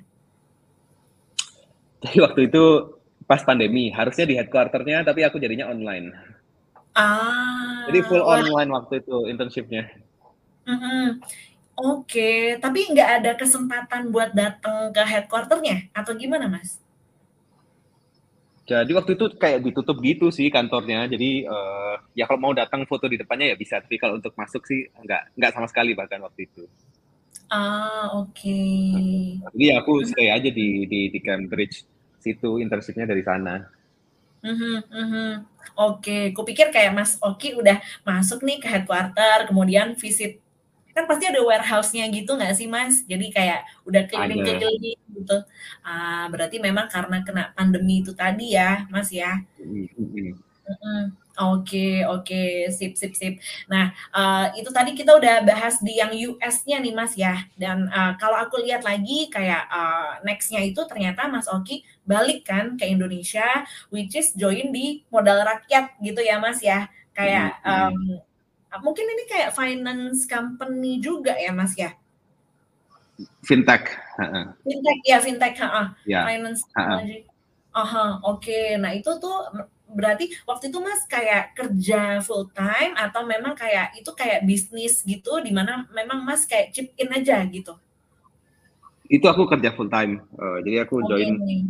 Kan waktu itu pengen bikin startup sebetulnya dari waktu kuliah S2, mm -hmm. tapi waktu lulus itu belum siap jadi aku perlu kerja sendiri eh perlu kerja dulu untuk okay. ya membiayai keluarga ya jadi kan waktu itu aku sudah berkeluarga sudah ada istri terus kebetulan alhamdulillah juga barusan punya baby waktu itu ah, baru beberapa okay. bulan jadi yang nggak hmm. bisa tanpa penghasilan yes. jadi aku kerja dulu uh -huh. sambil uh, sampingannya bikin uh, ini ya apa riset-riset eksperimen-eksperimen di startupnya gitu Mm -hmm. Oke, dan setelah itu uh, Mas Oki uh, ke titik yang sekarang ya Mas ya, yang tadi Mas mention di awal, uh, uh, akhirnya Mas Oki uh, berhasil membuat nih uh, create sebuah uh, startup company yang namanya adalah delegasi gitu ya Mas ya. Dan uh, uh, di sini kan kalau aku baca sebenarnya Mas kan sebagai co-founder, jadi ada satu uh, ada orang lain lagi gitu ya Mas ya, yang uh, menjadi Betul. founder juga. Oke. Okay. Nah, kalau untuk ini kayak gimana sih Mas? Boleh diceritain nggak sih ke kita? Karena kan ini kan suatu hal yang baru juga kan, dan uh, kalau aku da dari aku sendiri ya, aku sangat appreciate gitu kalau ada teman-teman di sekitarku yang aku kenal dan mereka membuat startup gitu. Kayak contohnya kalau Mhm. Mas, eee, Oki tahu kan ada Faiz ya dari ITB, Mhm. itu, Mhm. dia juga bikin Money kan, aplikasi bernama Mhm. Money heeh. Nah, kalau delegasi itu sendiri kayak gimana sih Mas Oki? Mmm, apanya? Produk produknya ya? Produknya heeh, kemudian mungkin Heeh. bergeraknya di bidang apa gitu kan Mas? Mhm mhm. Jadi, eee, delegasi itu adalah software, eee, akuntansi otomatis buat UKM. Sekarang fokusnya di Mhm. di F&B ya, di bidang kuliner. Jadi apa, restoran, kafe, rumah makan gitu, eee, fokusnya di Mhm. situ. Nah, Oke. kenapa sih kita kepikiran bikin ini gitu? Jadi, memang urusan akuntansi atau pencatatan keuangan itu kan semua pebisnis tahulah kalau itu penting ya, karena untuk Mhm. ambil keputusan kan ya harus tahu kondisi keuangannya gimana, jadi biar tahu kayak kurangnya di mana, apa yang perlu diperbaiki. Nah, itu tuh semua orang udah tahu, Mmm. tapi seja selama ini kalau buat UKM itu tuh sulit banget karena kan biasanya orang bikin bisnis tuh bukan karena pengen Mhm. ngurusin finance-nya ya, dan biasanya nggak punya nggak punya background di akuntansi ataupun finance gitu. Mhm, Jadi oke. jadi ini, eee, akibatnya apa, jadi kan agak susah ambil keputusan secara tepat gitu kan ketika datanya nggak ada. Makanya aku lihat juga Mhm. banyak banyaklah, eee, pebisnis UKM yang karena nggak tahu itu, jadi suka ambil keputusan keuangan yang kurang tepat, termasuk salah satunya orang tua aku sendiri gitu. Jadi aku ada Ah. relate-lah dengan problem itu gitu. Oke. Gitu. Nah, kira-kira seperti itu. Nah, salah satu problem lainnya adalah sebenarnya kalau orang bilang bicara akuntansi itu sebenarnya software akuntansi itu udah banyak. Mhm. Eee, banyak juga yang nanya, "Eh, ini ini tuh kayak kayak ini ya, kayak" mungkin aku nggak usah sebut merek lah ya, kan ada ada Iya. software akuntansi yang lain lah ya. Nah, Yes. bedanya software akuntansi itu pada umumnya dibikinnya untuk akuntan. Maksudnya Oke. kamu perlu ngerti akuntansi dulu untuk make software itu dengan benar. Mhm, Jadi perlu oke. perlu mengkategoris mengkategorikan transaksinya secara tepat, kayak debit kreditnya secara tepat gitu. Mhm Nah, mhm. Kalau delegasi itu, eee, kenapa aku bilangnya nggak cuma software akuntansi, tapi ada kata otomatisnya karena cara kerjanya itu Mhm. simpel. Jadi kalau Oke. contoh misalkan Stefy punya restoran gitu ya, untuk dapat laporan Mhm. keuangan, itu kamu Mhm. cukup, eee, connect-in, eee, POS, jadi biasanya kan ada lah ya aplikasi kasir yang dipakai, connect-in Oke. POS, terus connect-in Mhm. juga, eee, online delivery ya, kayak ya GoFood, GrabFood, ShopeeFood gitu, Mhm. sama upload upload nota. Udah cuman gitu doang. Oke. Nanti dihasilkan laporan keuangannya. Nah, kalau kayak gitu kan nggak perlu belajar akuntansi dulu untuk untuk dapat laporan keuangan. Mhm mhm. Oke. Jadi, eee, ya, jadi kayak Mas Oki dan temennya Mas Oki yang sesama founder, itu tuh pengen menciptakan kemudahan itu tadi berarti ya, Mas, ya? Kayak Betul menolong betul. orang heeh, menolong orang yang memang punya kayak, eee, U UKM lah ya, eee, usaha kecil Mhm. menengah, di mana mereka nggak punya gitu, eee, skill Mhm. untuk me-manage keuangan dengan baik gitu, dan akhirnya Mas masuklah di situ gitu kan. Hanya dengan beberapa Mhm. step, mungkin kayak tadi Mas jelasin ada, eee eee, apa, software, eee, kasirnya kah, kemudian ada Mhm. di-connect ke online, eee, delivery dan sebagainya. Dari situ ya, Mhm. Mas, ya, akan ter-generate Betul. secara otomatis. Oke Betul. oke. Dan tadi Mas Oki sempet mention orang tuanya Mas Oki juga sempat mengalami kendala itu gitu kan. Berarti Mhm. ada ada bisnis keluarga juga gitu ya, Mas, ya? Sempet ya? Ya adalah bisnis kecil-kecilan lah ya, eee, waktu Heeh. ayahku baru pensiun kan jadi punya duit, jadi tiba-tiba, eee, dia beli bisnis Mhm. tanpa tanpa ini itu bukan keputusan yang tepat lah. Habis itu di Mhm. dikelola juga tanpa tanpa pembukuan yang rapi, juga akhirnya banyak ambil keputusan yang kalau dilihat kalau dilihat ke belakang itu tuh sebenarnya udah clear keputusan itu salah gitu, tapi tetap dilakukan. Ya gitulah kurang lebih. Oke Mhm. oke. Jadi kayak Betul. Mas juga bisa dibilang ada sisi emosionalnya lah ya, kayak emotional connection, di mana kayak, "Ini beneran nih, eee, keluarga aku memang mengalami seperti ini, jadi aku tahu di luar sana banyak orang-orang yang seperti itu juga," gitu ya, Mas Oki ya? Mhm Dan oke, kalau untuk namanya sendiri Mas, itu kenapa sih kok Mhm. milihnya delegasi? Biasanya kan delegasi kan, you know, kayak, oh orang dikirim ke luar negeri gitu kan, Iya. perwakilan. Nah, ini kaitannya ke finance-nya kayak gimana sih, Mas Oki? Iya. Jadi waktu kita milih namanya, biasanya kalau kalau di dunia startup di dunia akuntansi itu kan namanya ada bukunya lah, ada book atau kata-kata itulah ya. Uh, terkait pembukuan. Nah kita yang pertama pengennya pengen beda dulu, jadi biar okay. biar clear bahwa ini tuh nggak nggak kayak software akuntansi yang sudah ada sekarang gitu. Nah mm -hmm. terus yang kedua kenapa delegasi? Jadi itu pengennya kalau di kepala orang itu nangkepnya kalau pakai delegasi itu ya sama kayak mendelegasikan urusan keuangannya gitulah. Jadi ah. itu experience-nya tuh pengen meng, apa ya? emulate ya bahasa Inggrisnya. Apa itu bahasanya? Pengen seolah-olah dia ya, dia seolah-olah dia experience itu kayak punya staff akuntan sendiri gitu. Walaupun okay. sebetulnya software yang diotomatiskan bukan software yang dia perlu pakai sendiri, perlu belajar dulu cara makainya, uh, mm-hmm. perlu ngeklik ngeklik sendiri bukan yang kayak gitu tapi yang caranya mm-hmm. simple banget sehingga seolah-olah kayak berinteraksi sama akuntan seolah-olah mendelegasikan urusan akuntansi atau keuangannya gitu itulah kenapa namanya delegasi Mm-hmm. Oke, okay. nice. Jadi kayak uh, konsepnya ternyata seperti itu gitu ya, Mas ya, mendelegasikan mm-hmm keuangannya lah ya biar uh, dirimu hmm. atau pengguna bisnisnya nggak pusing lah gitu ibarat kata ini udah kamu delegasikan ke yang lain oke okay. hmm. nah kalau startup sendiri, Mas, kita kan tahu ya, bikin startup itu kan susah-susah gampang gitu kan. Nah, tapi mm-hmm. kalau boleh di-share, sebenarnya kayak biggest challenge-nya tuh di mana sih, Mas? Karena kan everyone can create startup sekarang kan, asalkan mungkin mereka punya modal, mereka punya koneksi gitu kan. Nah, tapi what what does it takes to really kayak get into it gitu, Mas? Kayak maksudnya lu bener-bener punya motivasi yang kuat lah kalau orang bilang gitu, Mas. Dan karena kan mm-hmm. ke depannya kan journey kan panjang gitu kan Mas ya, dan uh, yeah. harus terus uh, berjuang gitu loh. Uh, jadi any tips kah uh, apa sorry any tips kah Mas untuk kita semua supaya teman-teman yang dengerin juga bisa punya semangat untuk create uh, startup gitu. Mungkin dari yang kecil nanti sampai jadi uh, sesuatu yang besar. Jadi sebenarnya kalau create startup sih gampang ya, maksudnya create startup dalam artian oh ada nih ada namanya namanya ini terus dia punya aplikasi itu sih gampang ya. Uh, hmm. Maksudnya uh, aku belum di tahap gimana aku sukses dan bisa share tips berdasarkan pengalamanku, tapi ini dari yang aku pahami dari belajar ke orang-orang gitu sama ikut ikut kan kita sekarang lagi ikut program namanya Y Combinator ya, itu kayak salah satu okay. akselerator di hmm. US gitulah untuk untuk delegasi. Jadi dapat pelajaran juga dari situ. Nah, tapi kurang lebih tipsnya uh, ada ada dua lah ya menurutku yang paling penting ya. Jadi yang pertama adalah kamu perlu uh, mereka tuh bilangnya fall in love with the problem. Jadi ah, oke. Okay. Uh, ini tuh sesuatu yang berangkatnya dari problem yang pengen diselesaikan gitu. Idealnya begitu. Uh, mm -hmm. Atau atau either itu atau ini memang bidang yang kamu suka gitu. Jadi okay. perlu ada ikatan emosionalnya lah. Mm-hmm. Uh, mm-hmm. Gitu karena ke depannya perjalanan pasti panjang. Ya kalau kamu bilang mm-hmm. tadi gampang-gampang susah sih sebetulnya susah-susah susah ya nggak ada gampangnya.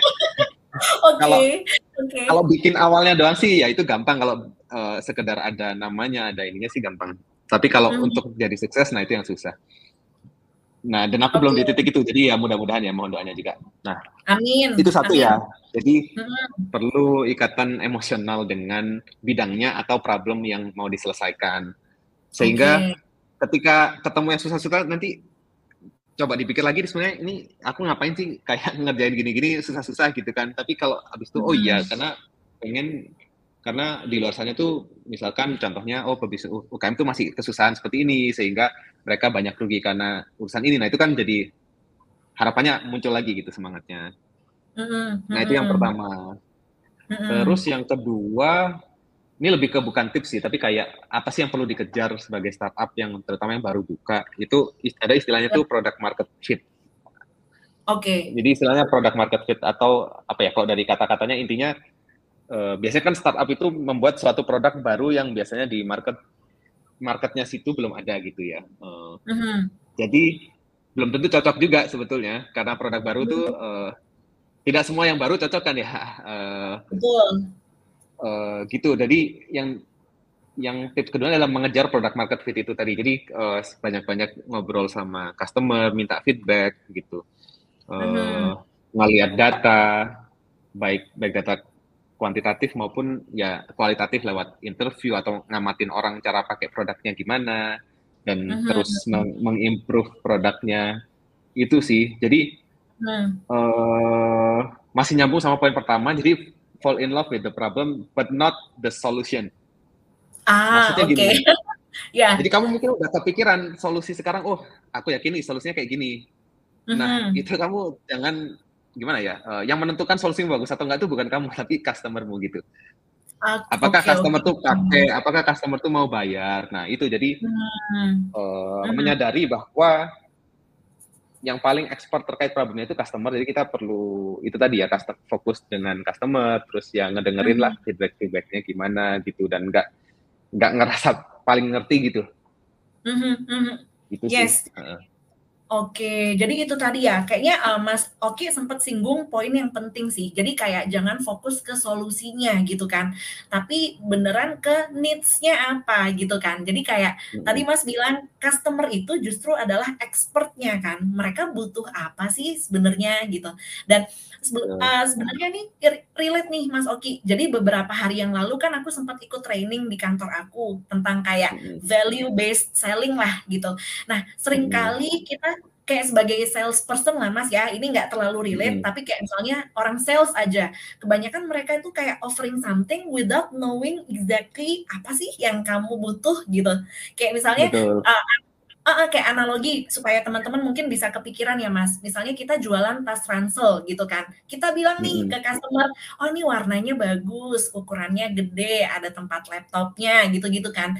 Nah tapi ternyata customer itu tuh mencari ada hidden pocket. Jadi kayak di bagian punggungnya gue tuh pengen cari yang ada kantong tersembunyi. Tapi kita tuh nggak mm -hmm. nggak menyampaikan itu gitu loh. Maksudnya gapnya tuh kayak di situ mas. Dan nggak nanya gitu nggak nanya nggak nanya. Jadi itu aku juga mind blowing sih kayak maksudnya oh iya ya maksudnya dan aku mungkin kalau di relate ke kerjaan aku maksudnya aku menghadapi seller sering kali aku kayak memberi solusi yang even aku nggak tahu do they need that? gitu kayak maksudnya butuh nggak sih? gitu. Nanti aku bilang pak di Lazada ada flash sale pak bisa join campaign sebelas sebelas tapi sebenarnya concern mereka di mana sih bisa jadi mungkin mereka di brand awareness dulu pengennya sebelum jualan nah jadi itu very very important sih. Aku agree sama Mas Oki kan. Jadi kayak knowing the the needs of our customer.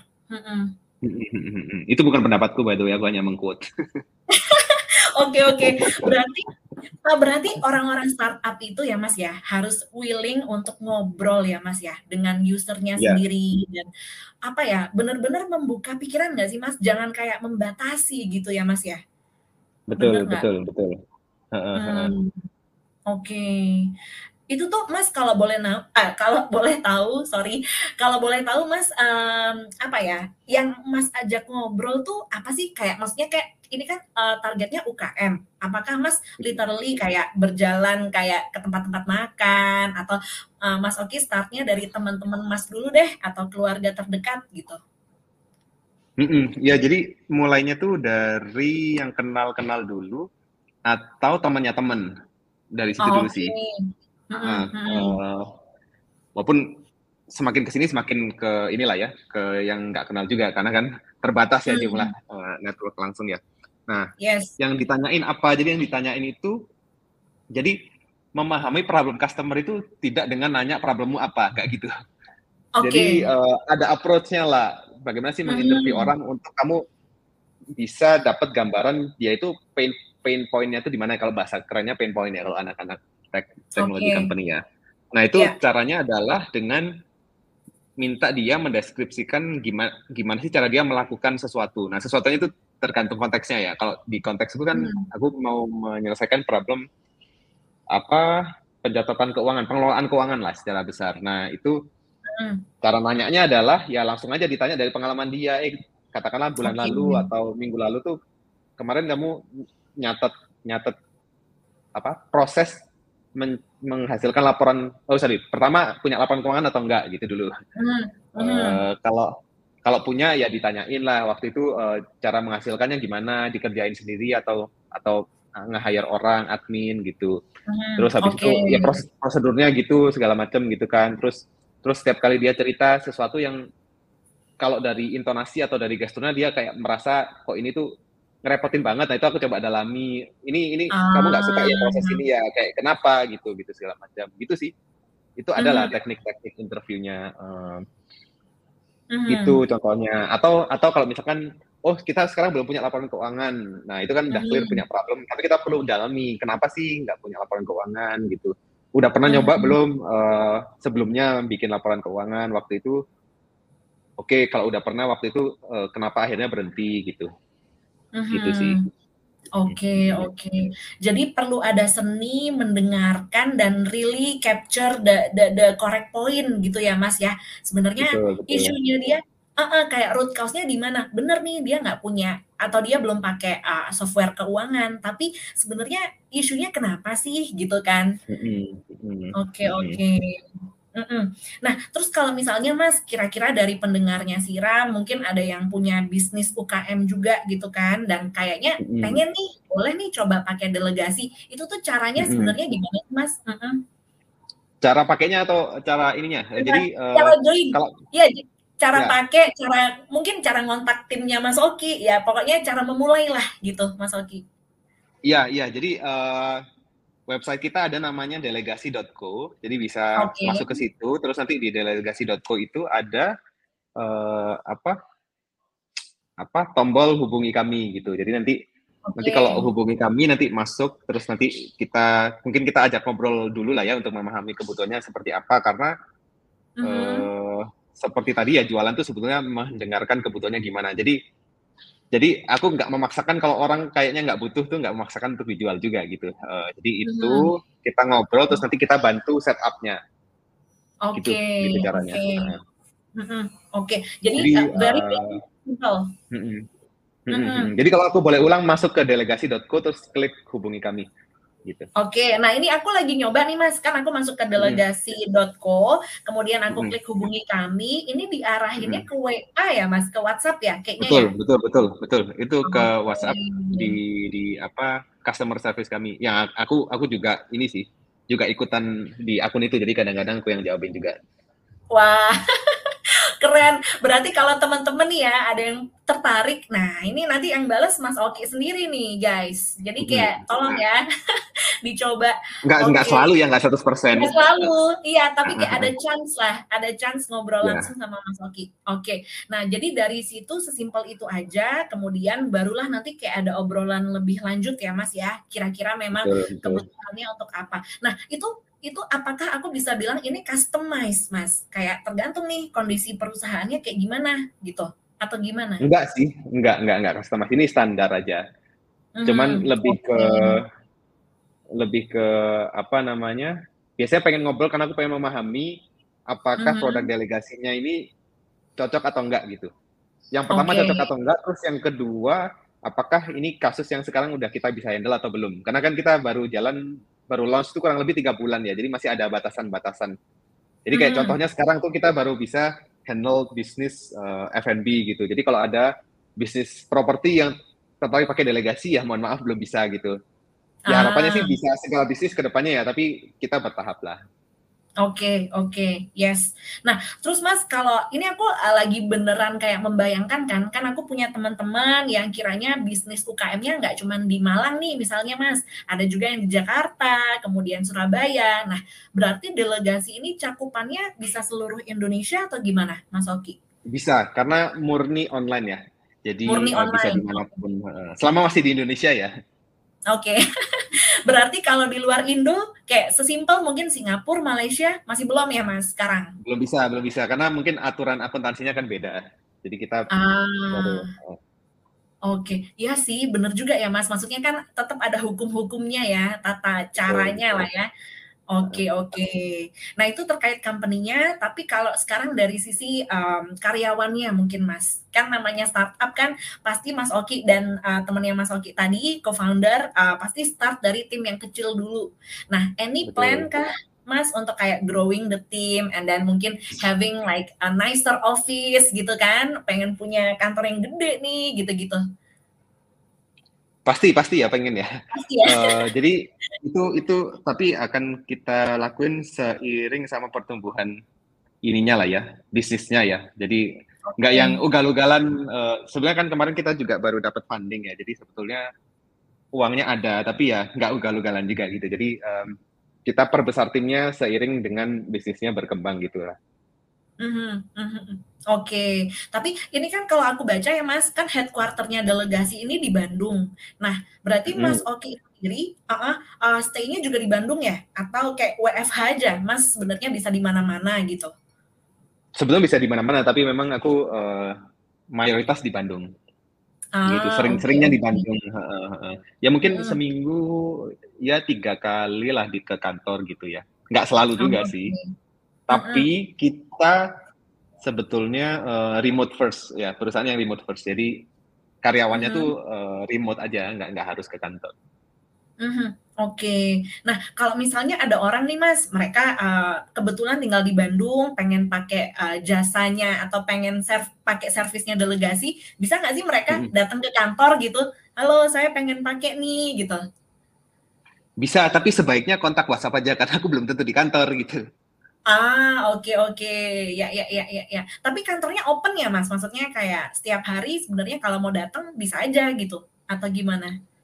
Tergantung ada orang yang datang atau enggak. Jadi itu dibuka kalau ada orang yang datang gitu. Oke. Oke oke. Jadi kantornya tuh di co-working space gitu. Kita cuma punya satu ruangan kecil gitu sih. Uh, jadi oh, jadinya uh, jadinya ketika ada orang ketika ada karyawan yang kebetulan ke kantor ya jadi dibuka. Tapi kalau lagi nggak ada ya ditutup gitu kan. Karena di dalam kan ada barang-barang juga.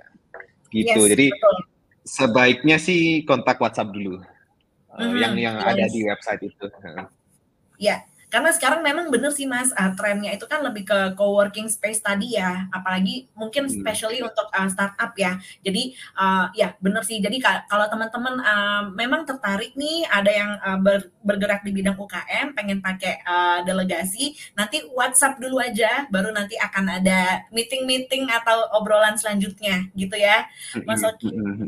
Oke, iya. sip. Yeah. Nah ini udah panjang banget nih mas obrolannya, kita udah iya, satu yeah, jam 20 menit ya. Jadi mm-hmm. mungkin aku mau wrap up nih mas uh, isi obrolan kita gitu kan. Dan tadi aku mm-hmm. bilang sebenarnya ke Mas Oki, Mas Oki aku kan undang Mas ke podcast aku karena memang portofolio Mas yang kayak amazing banget lah menurut aku ya gitu. Uh, aku nggak tahu menurut Mas Oki kayak ah biasa aja atau gimana gitu kan. But at least from me, my perspective, Mas Oki udah keren banget gitu. Dan dan I'm proud to be kayak adik kelasnya Mas Oki lah, sesimpel di Semanti gitu kan. Mas SMP-nya kan bukan SMP 3 ya? Tadi Mas bilang kan di sebelumnya kuliah di Lawang. Ini di Lawang kan, walaupun sama-sama Malang. Ah, ah, jadi kan hmm. memang bener nih kita ketemunya di Semanti dan di ITB-nya pun aku nggak nggak ketemu Mas Oki gitu kan. Jadi sebagai sesama Bawi Karsu ya Mas atau Ikas Mari Agitma gitu kan. Maksudnya aku aku bangga jujur gitu kan. Dan uh, sebenarnya ini juga salah satu pembuktian sih mas bahwa anak daerah quote unquote uh, orang Malang gitu ya bukan berarti dia orang daerah nggak bisa sukses gitu. Berarti kan memang tergantung personality dari orangnya nggak sih mas? Kayak uh, seberapa uh, seberapa keras dia dalam mengejar mimpinya dia gitu kan. Uh, bisa dia sebenarnya kita tuh bisa ke mana-mana tapi kadang kita sendiri yang melimit diri kita sendiri gitu kan Mas Oki. Setuju, setuju banget uh, nah jadi mungkin Mas Oki boleh nggak sih ngasih tips nih ke mungkin uh, sahabat siram atau mungkin younger uh, generation ya generasi yang lebih muda yang mendengarkan yang sebenarnya mereka punya mimpi yang sama dengan Mas Oki gitu kan apa sih yang yang Mas Oki lakuin kala itu? Maksudnya karena kan Mas harus punya drive yang sangat amat besar kan untuk melakukan ini semua gitu. Nah jadi apa sih Mas kayak uh, supaya what does it takes gitu kan untuk kayak sesukses yeah. itu gitu? Iya iya. Ya aku ambilin dulu lah suksesnya ya. Aku belum sukses gitu tapi uh, ada ada beberapa amin, pelajaran yang aku ambil lah dari sisi mengembangkan diri. Jadi yang pertama memang sebagian besar sebetulnya membatasi perkembangan kita tuh sebenarnya kita sendiri ya, kayak pemikiran hmm. rendah diri gitu segala macam. Aku ngomong gini hmm. karena aku juga pernah mengalami, jadi bukan berarti aku orangnya nggak nggak pernah rendah diri ya. Sering seperti aku cerita tadi lah ya, waktu pertama masuk ITB lah, waktu pertama masuk manajemen konsultan juga karena baru terus di MIT dan seterusnya. Yes. Nah, eh, kalau tipsku sih sebetulnya coba inilah eh, mengimprove dirinya itu bertahap gitu. Jadi ini cara yang aku Hmm. pakai sih waktu itu. Hmm, contoh bahkan waktu aku dari SMP di Lawang masuk SMA 3 pun Mhm. aku juga minder pasti. Karena Mmm. dari SMP ku yang masuk di situ seangkatan cuma tiga kan. Jadi Oke. waktu itu aku Ah, eh, secara nilai nggak bagus lah, mepet-mepet SKBM kayak standar minimum gitu. Mhm. nah yang aku lakuin waktu itu gini, jadi kayak ya aku kepikiran aja bisa nggak ya aku dapat nilai yang bagus minimal di satu mata pelajaran aja gitu. Eh, jadi waktu itu aku mulai dengan matematika karena kebetulan aku ada agak suka lah di situ.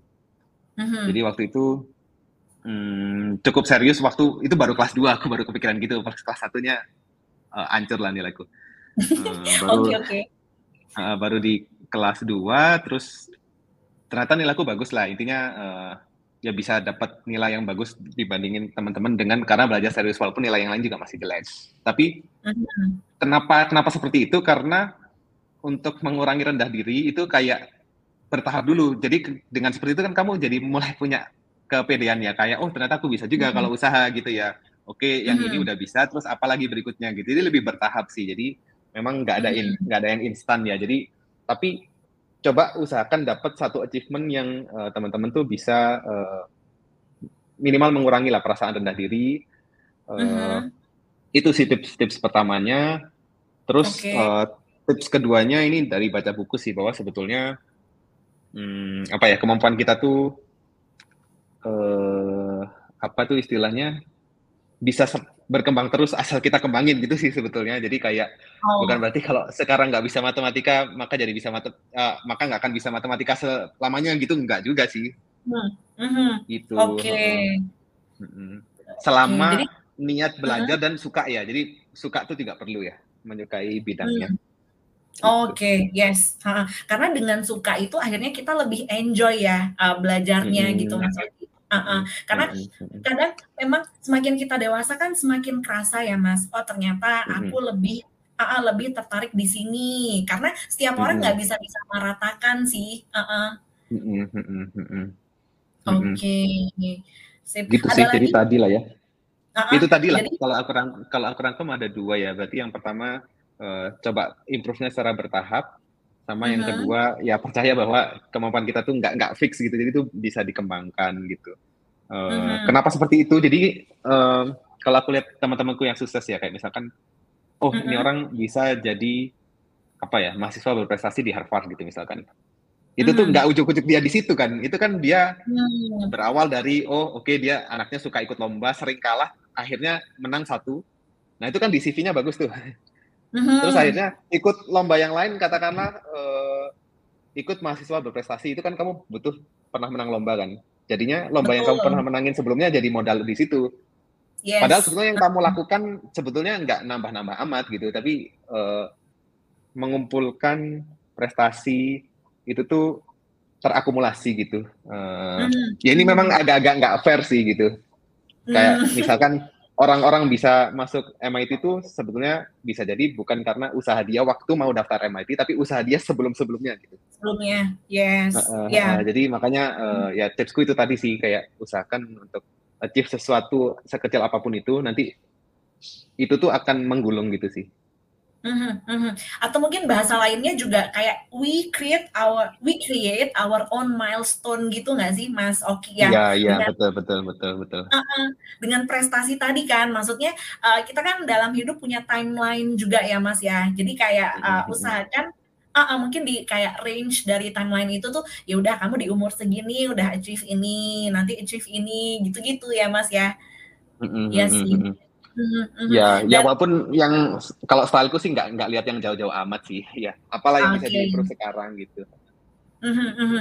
Berarti Mas Oki nggak menilai Mas sebagai kayak go-getter banget ya? Kayak maksudnya in five years I want to be bla bla bla gitu. Mas kayak gitu nggak sih?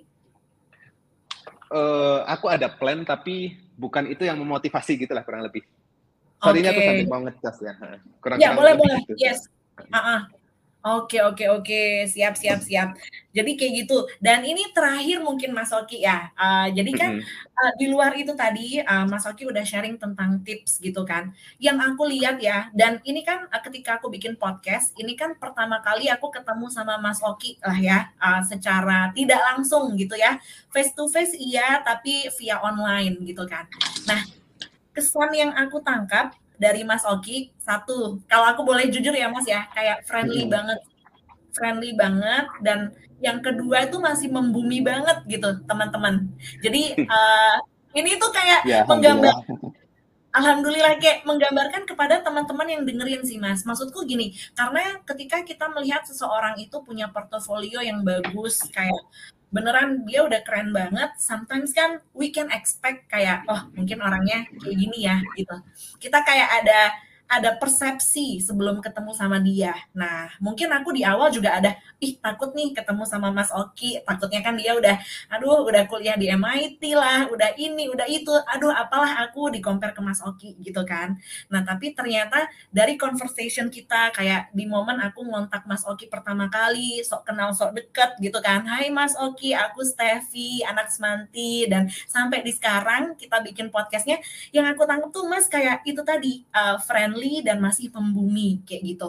Nah, maksudnya ini ini sesuatu hal yang natural sebenarnya, Mas Oki juga nggak bisa mengkontrol kan, kayak memang ya saya seperti ini gitu loh.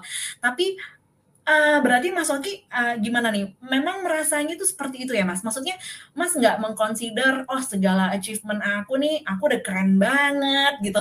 Gimana sih? Atau aku sebenarnya mau nanyanya juga bingung sih Mas, atau mungkin Iya iya, sesimpel aku paham maksudmu. paham kan Aku ya? paham maksudmu. Ya, jadi aku mau ngasih satu tips lagi. Boleh Eee, boleh, sorry, ini masih terkait sama yang tadi sih, jadi ada satu tips lagi yang aku lupa.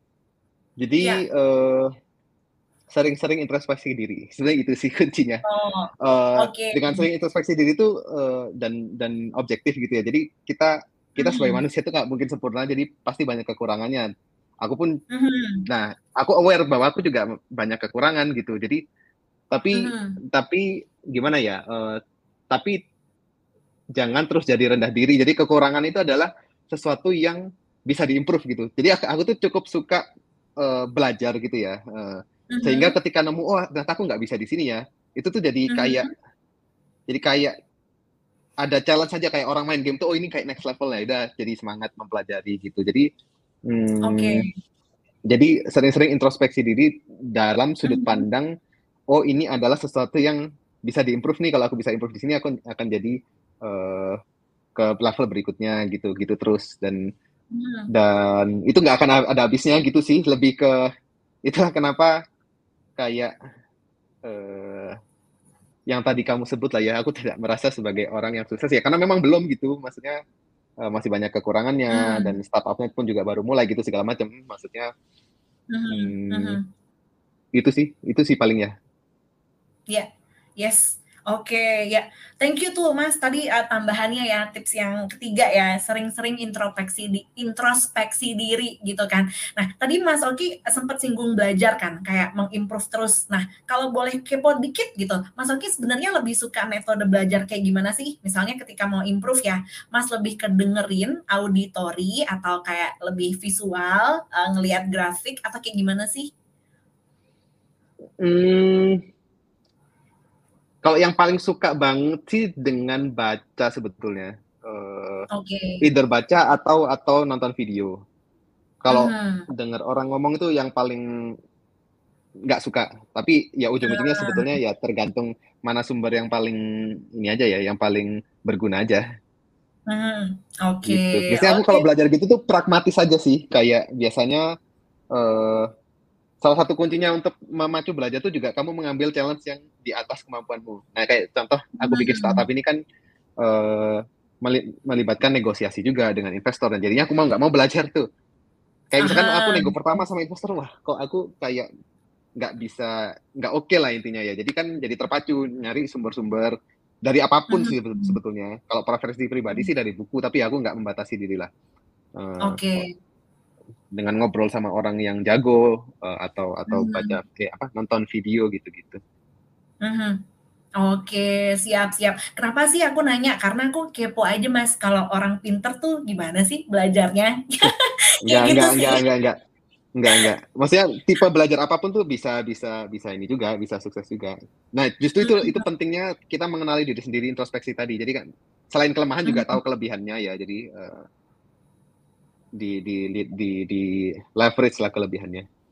Betul betul. Oke. Nah, dari tadi kan aku kayak udah bilang terakhir gitu ya, Mas, ya. Nah, tapi ini terakhir banget dan ini kayak udah jadi ciri khas ciri khas dari podcast-ku, Mas, yang untuk eee, segmen siram ya, aku selalu minta 1 quote nih dari, eee eee, guest-nya gitu, Mas. Karena, eee, sebenarnya Waduh. kan sepanjang nah ini mungkin sambil mikir ya, Mas, ya. Karena kan sepanjang Mas cerita itu tadi kan sebenarnya udah banyak banget ilmu dan inspirasinya.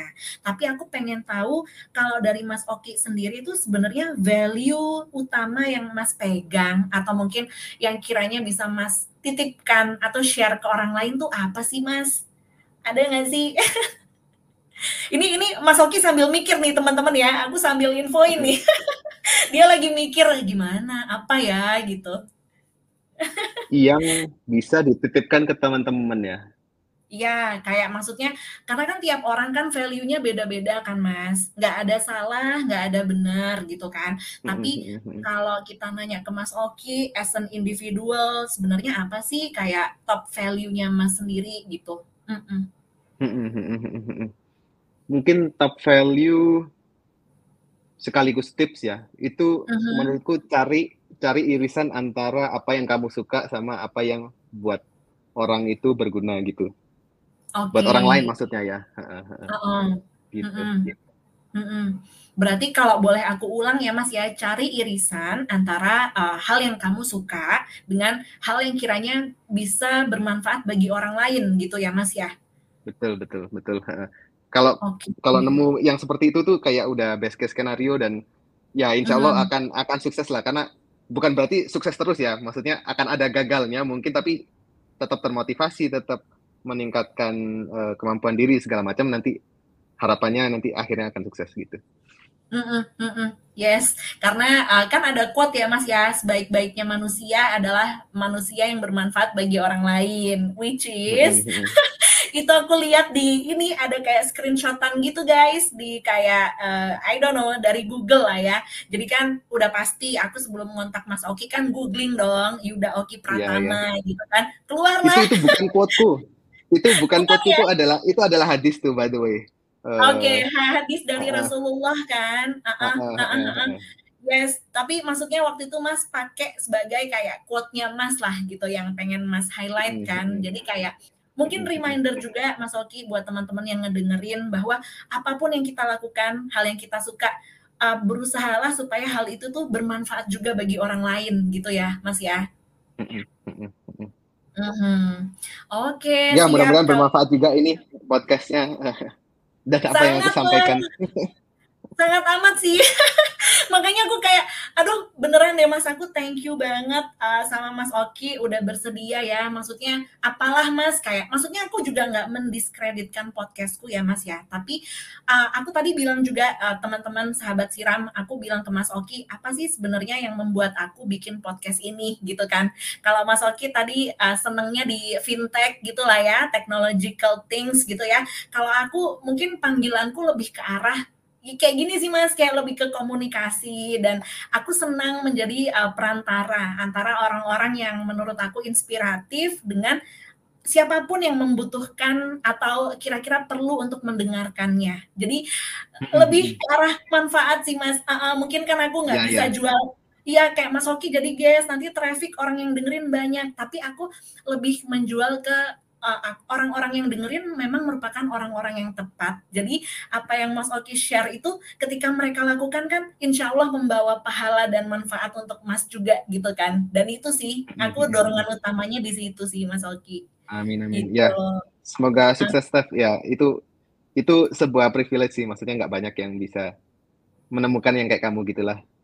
Ya, jadi kayak Apa ya yang mungkin disukai dan bermanfaat buat orang. Yes, gitu. Jadi mungkin aku juga akan berjuang ya, kayak Mas Oki tadi berjuang di, eee, dunianya Mas Oki, aku pun juga gitu kan, di luar dari memang pekerjaanku sendiri gitu. Jadi, mhm. again Thank you so much Mas Oki dan uh, semoga nanti kita ada kesempatan ketemu ya Mas ya. Jadi nggak cuman akrab Amin. di dunia uh -uh, dunia maya aja karena kan aku juga masa udah udah bikin podcast bareng tapi nggak pernah ketemu in real life gitu kan. Jadi uh, thank you so much dan hopefully mungkin nanti ada reuni nanti mungkin ya Mas ya. Nggak tahu berapa tahun lagi nih. yes. Oke, okay. siap. Thank you Mas Oki. Bye. Oke, okay, sama-sama, Steph. Bye. Bye.